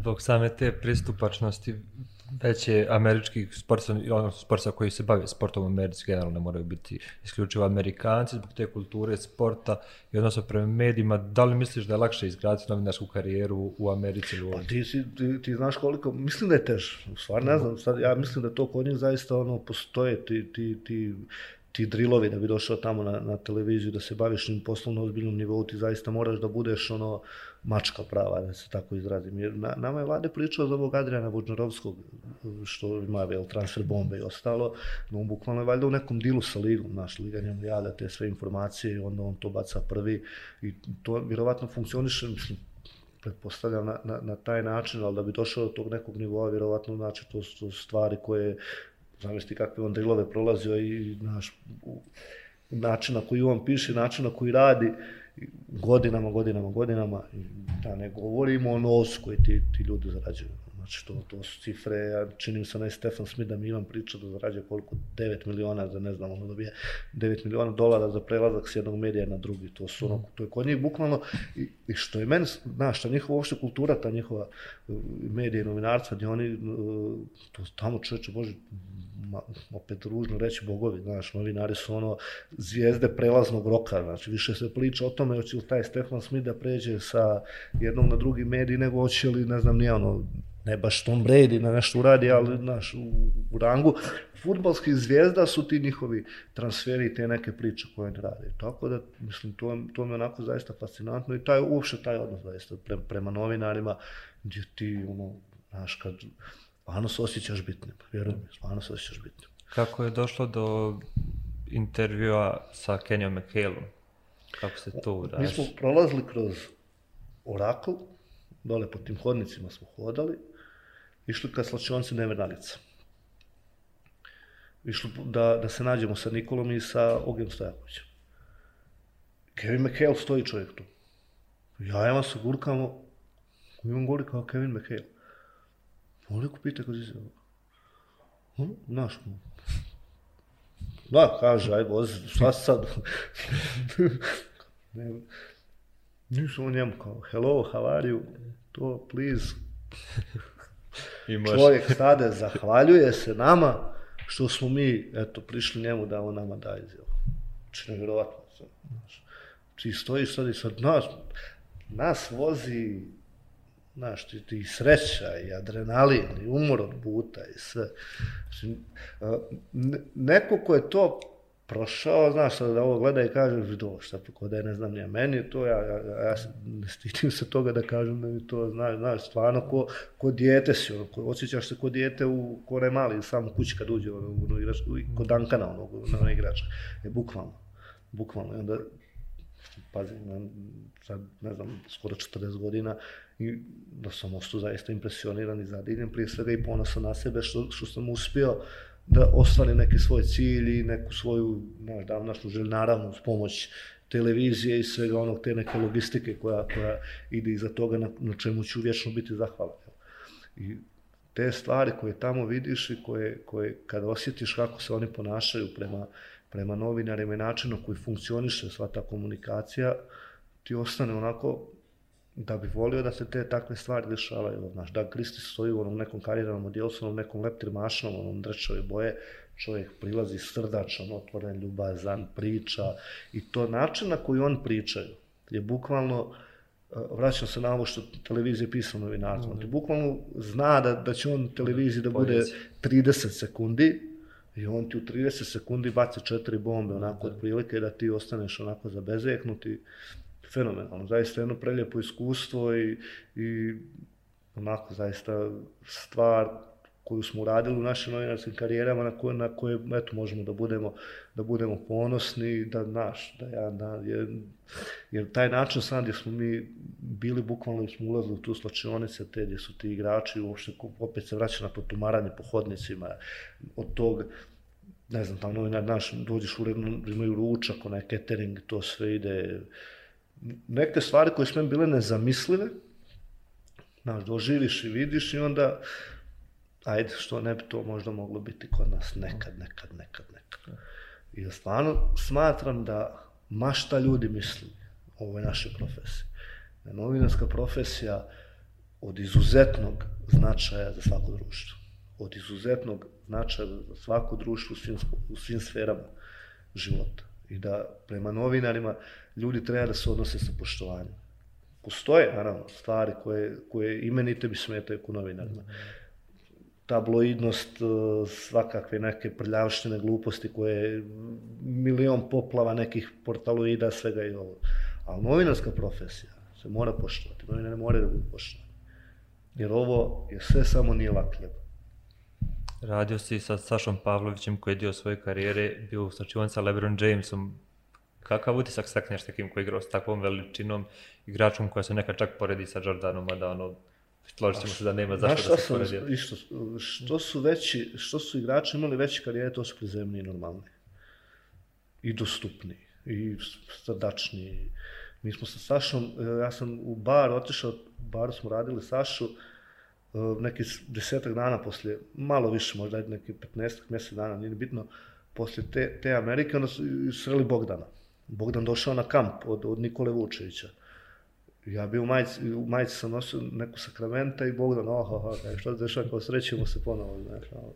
I tu je neki smijeh bio i Nikola Vučić bio koji na mene isto ostavio jedan snažan utisak e, čovjeka koji onako, on je te godine potpisao, mislim, ugovor sa, sa Orlando, ono nešto vrijedno 100 miliona dolara, ali koji onako rodoljubi, koji je čovjek koji staro kova, onako da kažem, momak čovjek, kako da ga nazovemo. I on je ostavio snažan utisak na mene i zaista, zaista mi je drago kad vidim da je Nikola Vučević, ono, to što jeste jedan od najboljih centara NBA lige, zaista svim svojim tim ljudskim kvalitetima zasluže da bude tu, tu gdje jeste. S druge strane, Saša Pavlović, isto neko znamo se kakvu je karijeru, imao isto čovjek. Mi smo bili kod njega na toj, na toj jedrilici, to je baš bilo nekih scena, da se namjestite, kako da se namjestite, da, da snimu Saša srdačno, otvoreno, onako. I on je pričao isto dosta, pričao o tome sa, sa Lebronom, kako je bilo dijeliti slačionicu i sve. I onda je pričao za Bronija, ovog sina od LeBron Jamesa, gdje ono govorio, ne znam, da je taj mališan kad imao pet godina, da je već tad mogao, šta znam, da dobaci trojku ili šta već, tako da to neke stvari onako koje su simpatične u našem poslu i da ih sad znaš. Da li je taj NBA kroz sva iskustva što se radi s ljudima koji su igrali? Najbolja sportska organizacija, sigurno. Najbolja sportska organizacija, dužno poštovanje futbolu i svemu, ali NBA je najbolja sportska organizacija na svijetu. Znači, u, u smislu same organizacije, u smislu, opet se vraćam, te dostupnosti medija, med, medijskim kućama i svi, naravno, veliki proces da nam, nam, da dođemo do, do, do ali vjerovatno kad dođeš jednog momenta, onda se otvore širom neka vrata i to se, Ja stvarno kažem, svaki novinar treba da pokuša da ode tamo. Da vidi, da osjeti, da, da Srđan Karanović, to je bilo, Bože, kaj je to moglo da bude neki 2015. 16. Srđan Karanović golman, pozdravljam ovom prilikom. Mi smo sjedili kod njega u balonu na kod kosmosa. Da, da. I, tamo igramo futbal, mi da, redakcije. E, mi smo sjedili, Srđan Karanović je bio, Kele, moj snimatelj, jedan, ja ne znam, koji nije neko društvo bilo, 4-5 nas je bilo. I tu neka priča oko novinarstva, šta ti, tvoje novinarstvo, kaj, kako tvoje novinarstvo, kaj treba, doješ tamo u NBA ligu da sniješ Kobe Bryanta telefonom, pošalješ, kaj, nemoj biti budala. No, to bilo, ne znam, znaš, ono, oko, kako tam vrate, kako, znaš, to šta, pa šta kaže, moram, vjerovatno postoji način, odeš tam, koje onda će svi da znaju kaj je bio sa Kobe Bryantom. No, meni to stvarno baci crvo glavu. Možda čak i on donekle zaslužen što smo mi ajde krenuli u tu, u tu neku, i, i jeste donekle, stvarno, pošto mi kad smo to krenuli sa samom tu neku priču, ja se sjetio sam, Karanovih riječi, što ne bi, ajde da. I, I stvarno ti kažem, svako treba da ode, da, da osjeti, da pronađe način da, da, da doživi to. Sve super, ja kažem, ja sam najponosniji na priču našim sportistima odavde, iz Banja Luke, krajine Republike Srpske. Najponosniji sam na te priče. I najponosniji sam na svijetu kad vidim da je neko od njih napravio bilo kakav uspjeh. Stvarno mi bude drago. Kao da sam ja nekad čak onako iz te neke svoje vizure imam osjećaj da sam donekle zaslužen što su to napravili. I, sve te neke, ajde, uslovno rečeno, velike priče su ništa naspram ovih naših priča. Zato što gledaš svaki dan koliko ulažu svega da bi napravili nešto. I najponosniji sam na njihove rezultate i na svoje priče o njima. A s druge strane, da, da odeš da osjetiš kako funkcioniše jedna takva konglomerat kao što je ta NBA liga, to je zaista neko iskustvo koje, koje ti ostaje za čitav život i, i, i koje možeš da, u svakodnevnom svom poslu da, da, da, da pronađeš način da, da nešto što si tamo onako osjetio, doživio, da, da gledaš znaš, malo drugačije ugla i drugačije stvari, da kažeš ne možeš da dolaziš na televiziju u klubskoj trenerci. Koliko god vam bilo dobro. Odiš. Ima dobrih danas stvarno, mislim, Nigerija ova za svjetsko Pa prvenstvo. dobro, ali govorim za ove naše. Znaš, I onda ja kažem tu ljudima mene ovako gledaju. Pazi. Okej, okay, to ako, gdje malo. Jesi vidio Paolo Maldini, da je došao na Raj Juno, da je ovu klubu. Ja nije, vrate, Paolo Maldini dođe kod da ide, što bi mi rekli na svadbu, ili tako. Znači, gdje malo, da, da unesemo taj duh tog elitizma, kako god ga nazvali, pomoćite nama, našoj profesiji, daći nama na važnost, ali sebi, prije svega sebi. Mislim da, da s te strane i uopšte za, zarad svog iskustva i zarad svojih nekih ličnog osjećaja zadovoljštine treba, ljudi treba da, da, da pokušaju da, da, da, radi malo, malo veće priče.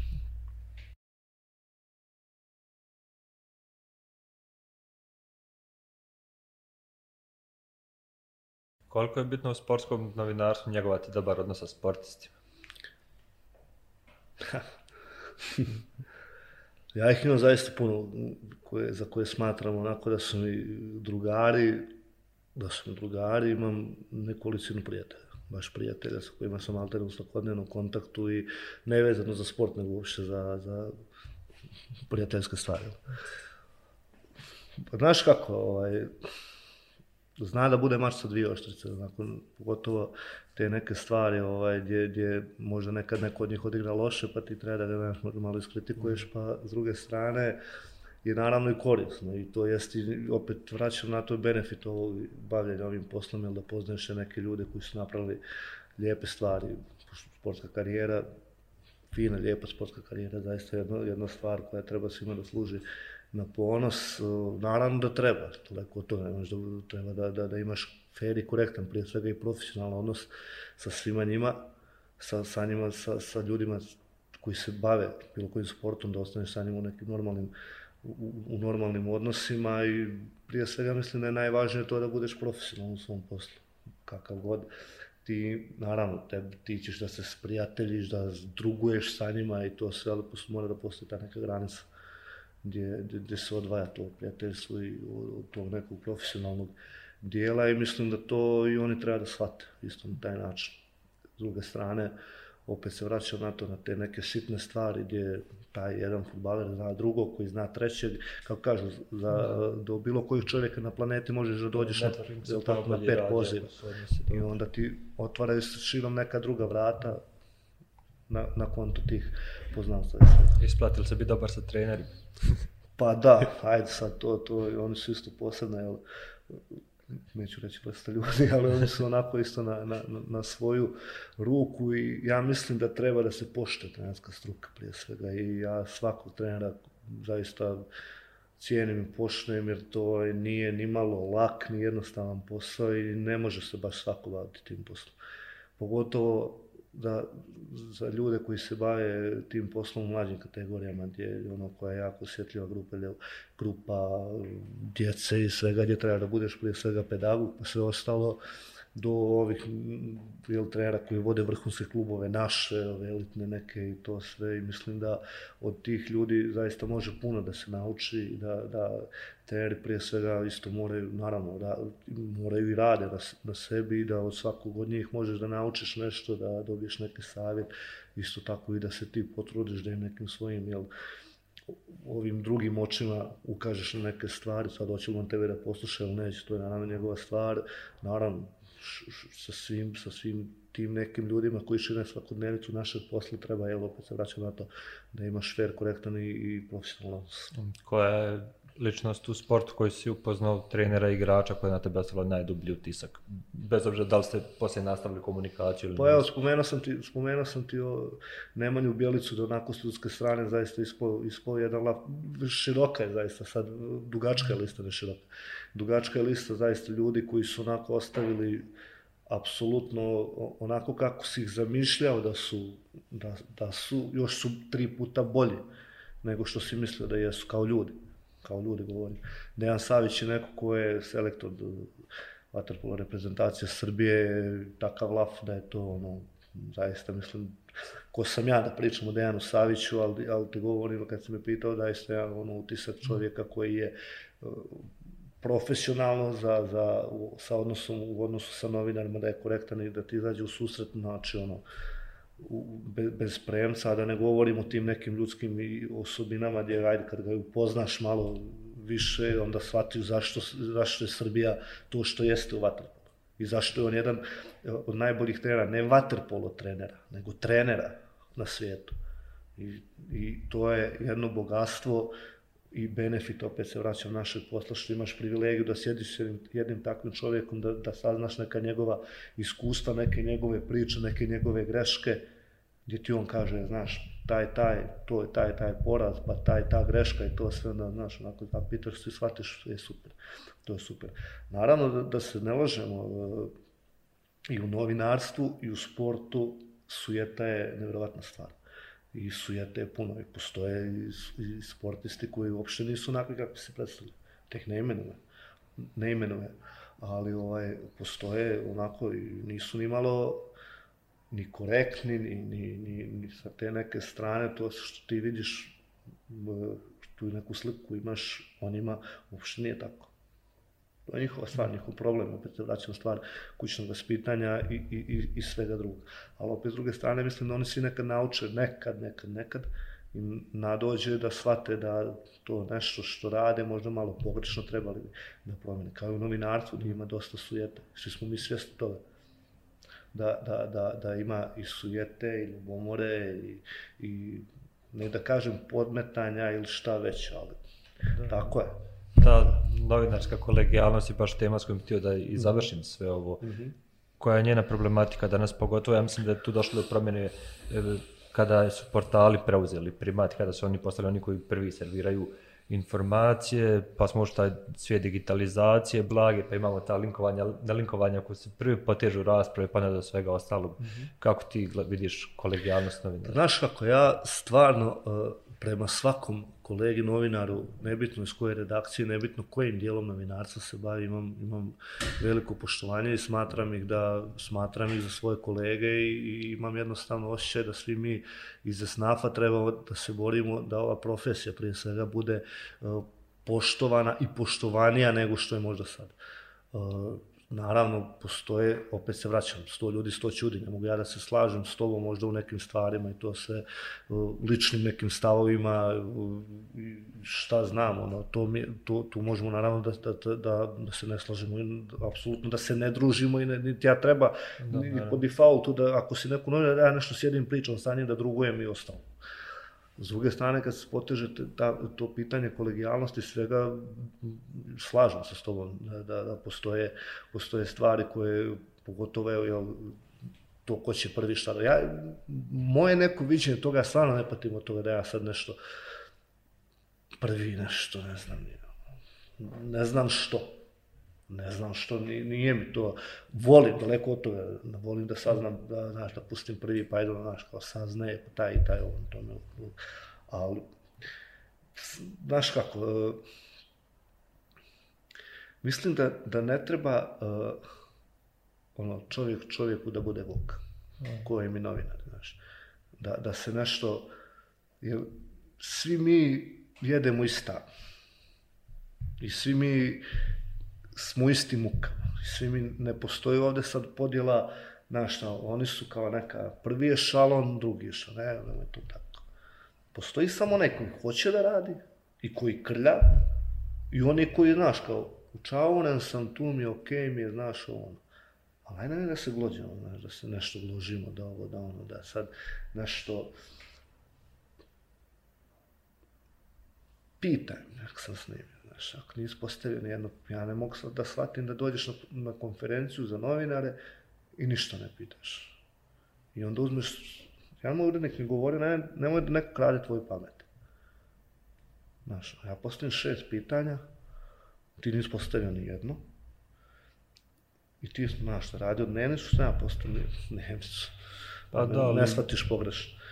Šest pitanja, pa de, ajde, daj, daj svog nekog pečata, nešto, pa izvuci neki uloga, nešto, nešto. I ako sam već to nešto, pa se tu privalio svoj mikrofon, e, pa, znaš, pošalj poru, kad misliš to da pustiš, ajde, hačka će ja, znaš, pustimo isto vrijeme, ono. Ti, brate, pustiš, znaš, ono, Znaš, glupe sitnice. Pa, pa jeste, ali sitnice. problematično u principu i može eskalirati u nešto što će biti više. Pogotovo ovo što meni lično, što se sa tim portalima i to sve. Sad ti potrošiš svoje vrijeme dva sata da napišeš taj neki tekst. Ja odmah copy paste ne potpišem. Ja. To se pa meni sad... Čekaj, znaš. Deslo, mislim, inače nikad ne bi imenovao nijedan portal, ali mi to strašno smeta kod toga zato što se on stalno predstavlja kao neki najmoralniji, najpošteniji indeks HR koji je ovaj, podcast sa Darijom Damjanovićem sam radio, Hajduk je bio centralna tema podcasta i prenosilo mnogo medija u Hrvatskoj, oni su bili jedni od koji su prenijeli, ali jedini koji nigdje nisu napisali ni koji medije radio, mm -hmm. ni novinar, ne daj Bože, niti linkovali bilo šta. I kad sam im, ovaj, javio se njihovom glavnom uredniku, ono odgovor je bio sin samo, ono, ok, ono, vidio sam te da postoji što je to. Uh, ja ne kažem da se, da se uh, razumljiv u toj nekoj brzini da čovjek pogreši. Ja stvarno trudim kad prenesem nešto od kolega da znaš, potpiš gore, nek stoji. A neko je potrošio sat vremena. Što ne kažeš, sat neko je zaradio tvoju dnevnicu. Pet minuta je neko potrošio da napiš, utrošio svoje, a ti si isto to trebalo da napišeš, imao zauzet si bio drugim poslom, ok, nije problem. Prenijeć, ali ja ću tebi kažem, Stefane, ja Bogo prenio. Ne, piš gore, to je, znaš koliko je to ja sam potrošio pola sata, možda tebi je to 7 sekundi. I mislim da su to stvari koje jednostavno treba da se ovaj možda da, možda da se vrate u modu, nego jednostavno da, da pošliš rad drugih kolega bar na, bar na taj način. Bar na taj način. Pogotovo, ja, mislim, mi dešava se i ovo, za, recimo, za fotografije i to se. Meni je okej okay, sasvim da potpišeš čeja fotografije. Mislim, šta više, ne, da mi je okej, okay, to bi trebalo tako da bude i da se jednostavno taj rad neči da, da, da imaš jednostavno priznanje da, za to. Svima je drago. Mislim, meni prvom bude drago kad vidim neki moj tekst. Može što da bude, nije ni bitno je vrijedan nečega ili nebitno. Ali naš objavio neko pa napiše prenosi ATV, ajde. Prenosi ATV, saznaj ATV. Bude to okej, okay, bude ti ono, ajde. Imaš u neku satisfakciju svoju ne znam, previše smo prešli na ovaj Dark Side of the Moon. pa ne, ne, ja opet kažem, ovo je najbolji posao na svijetu. Pa i meni izgleda kao najbolji, ne mogu sud jer gradim te godinu dana, ali nadam se da će, da će biti ovaj, on, duga, duga karijera i da ću uživati u njoj. Andrej, hvala ti e, što si bio prvi novinar u, na, u našem podcastu. Nadamo se da ćemo nastaviti sa pričama sa, sa druge strane, mm. da malo ljudi shvate šta je to čime se mi bavimo.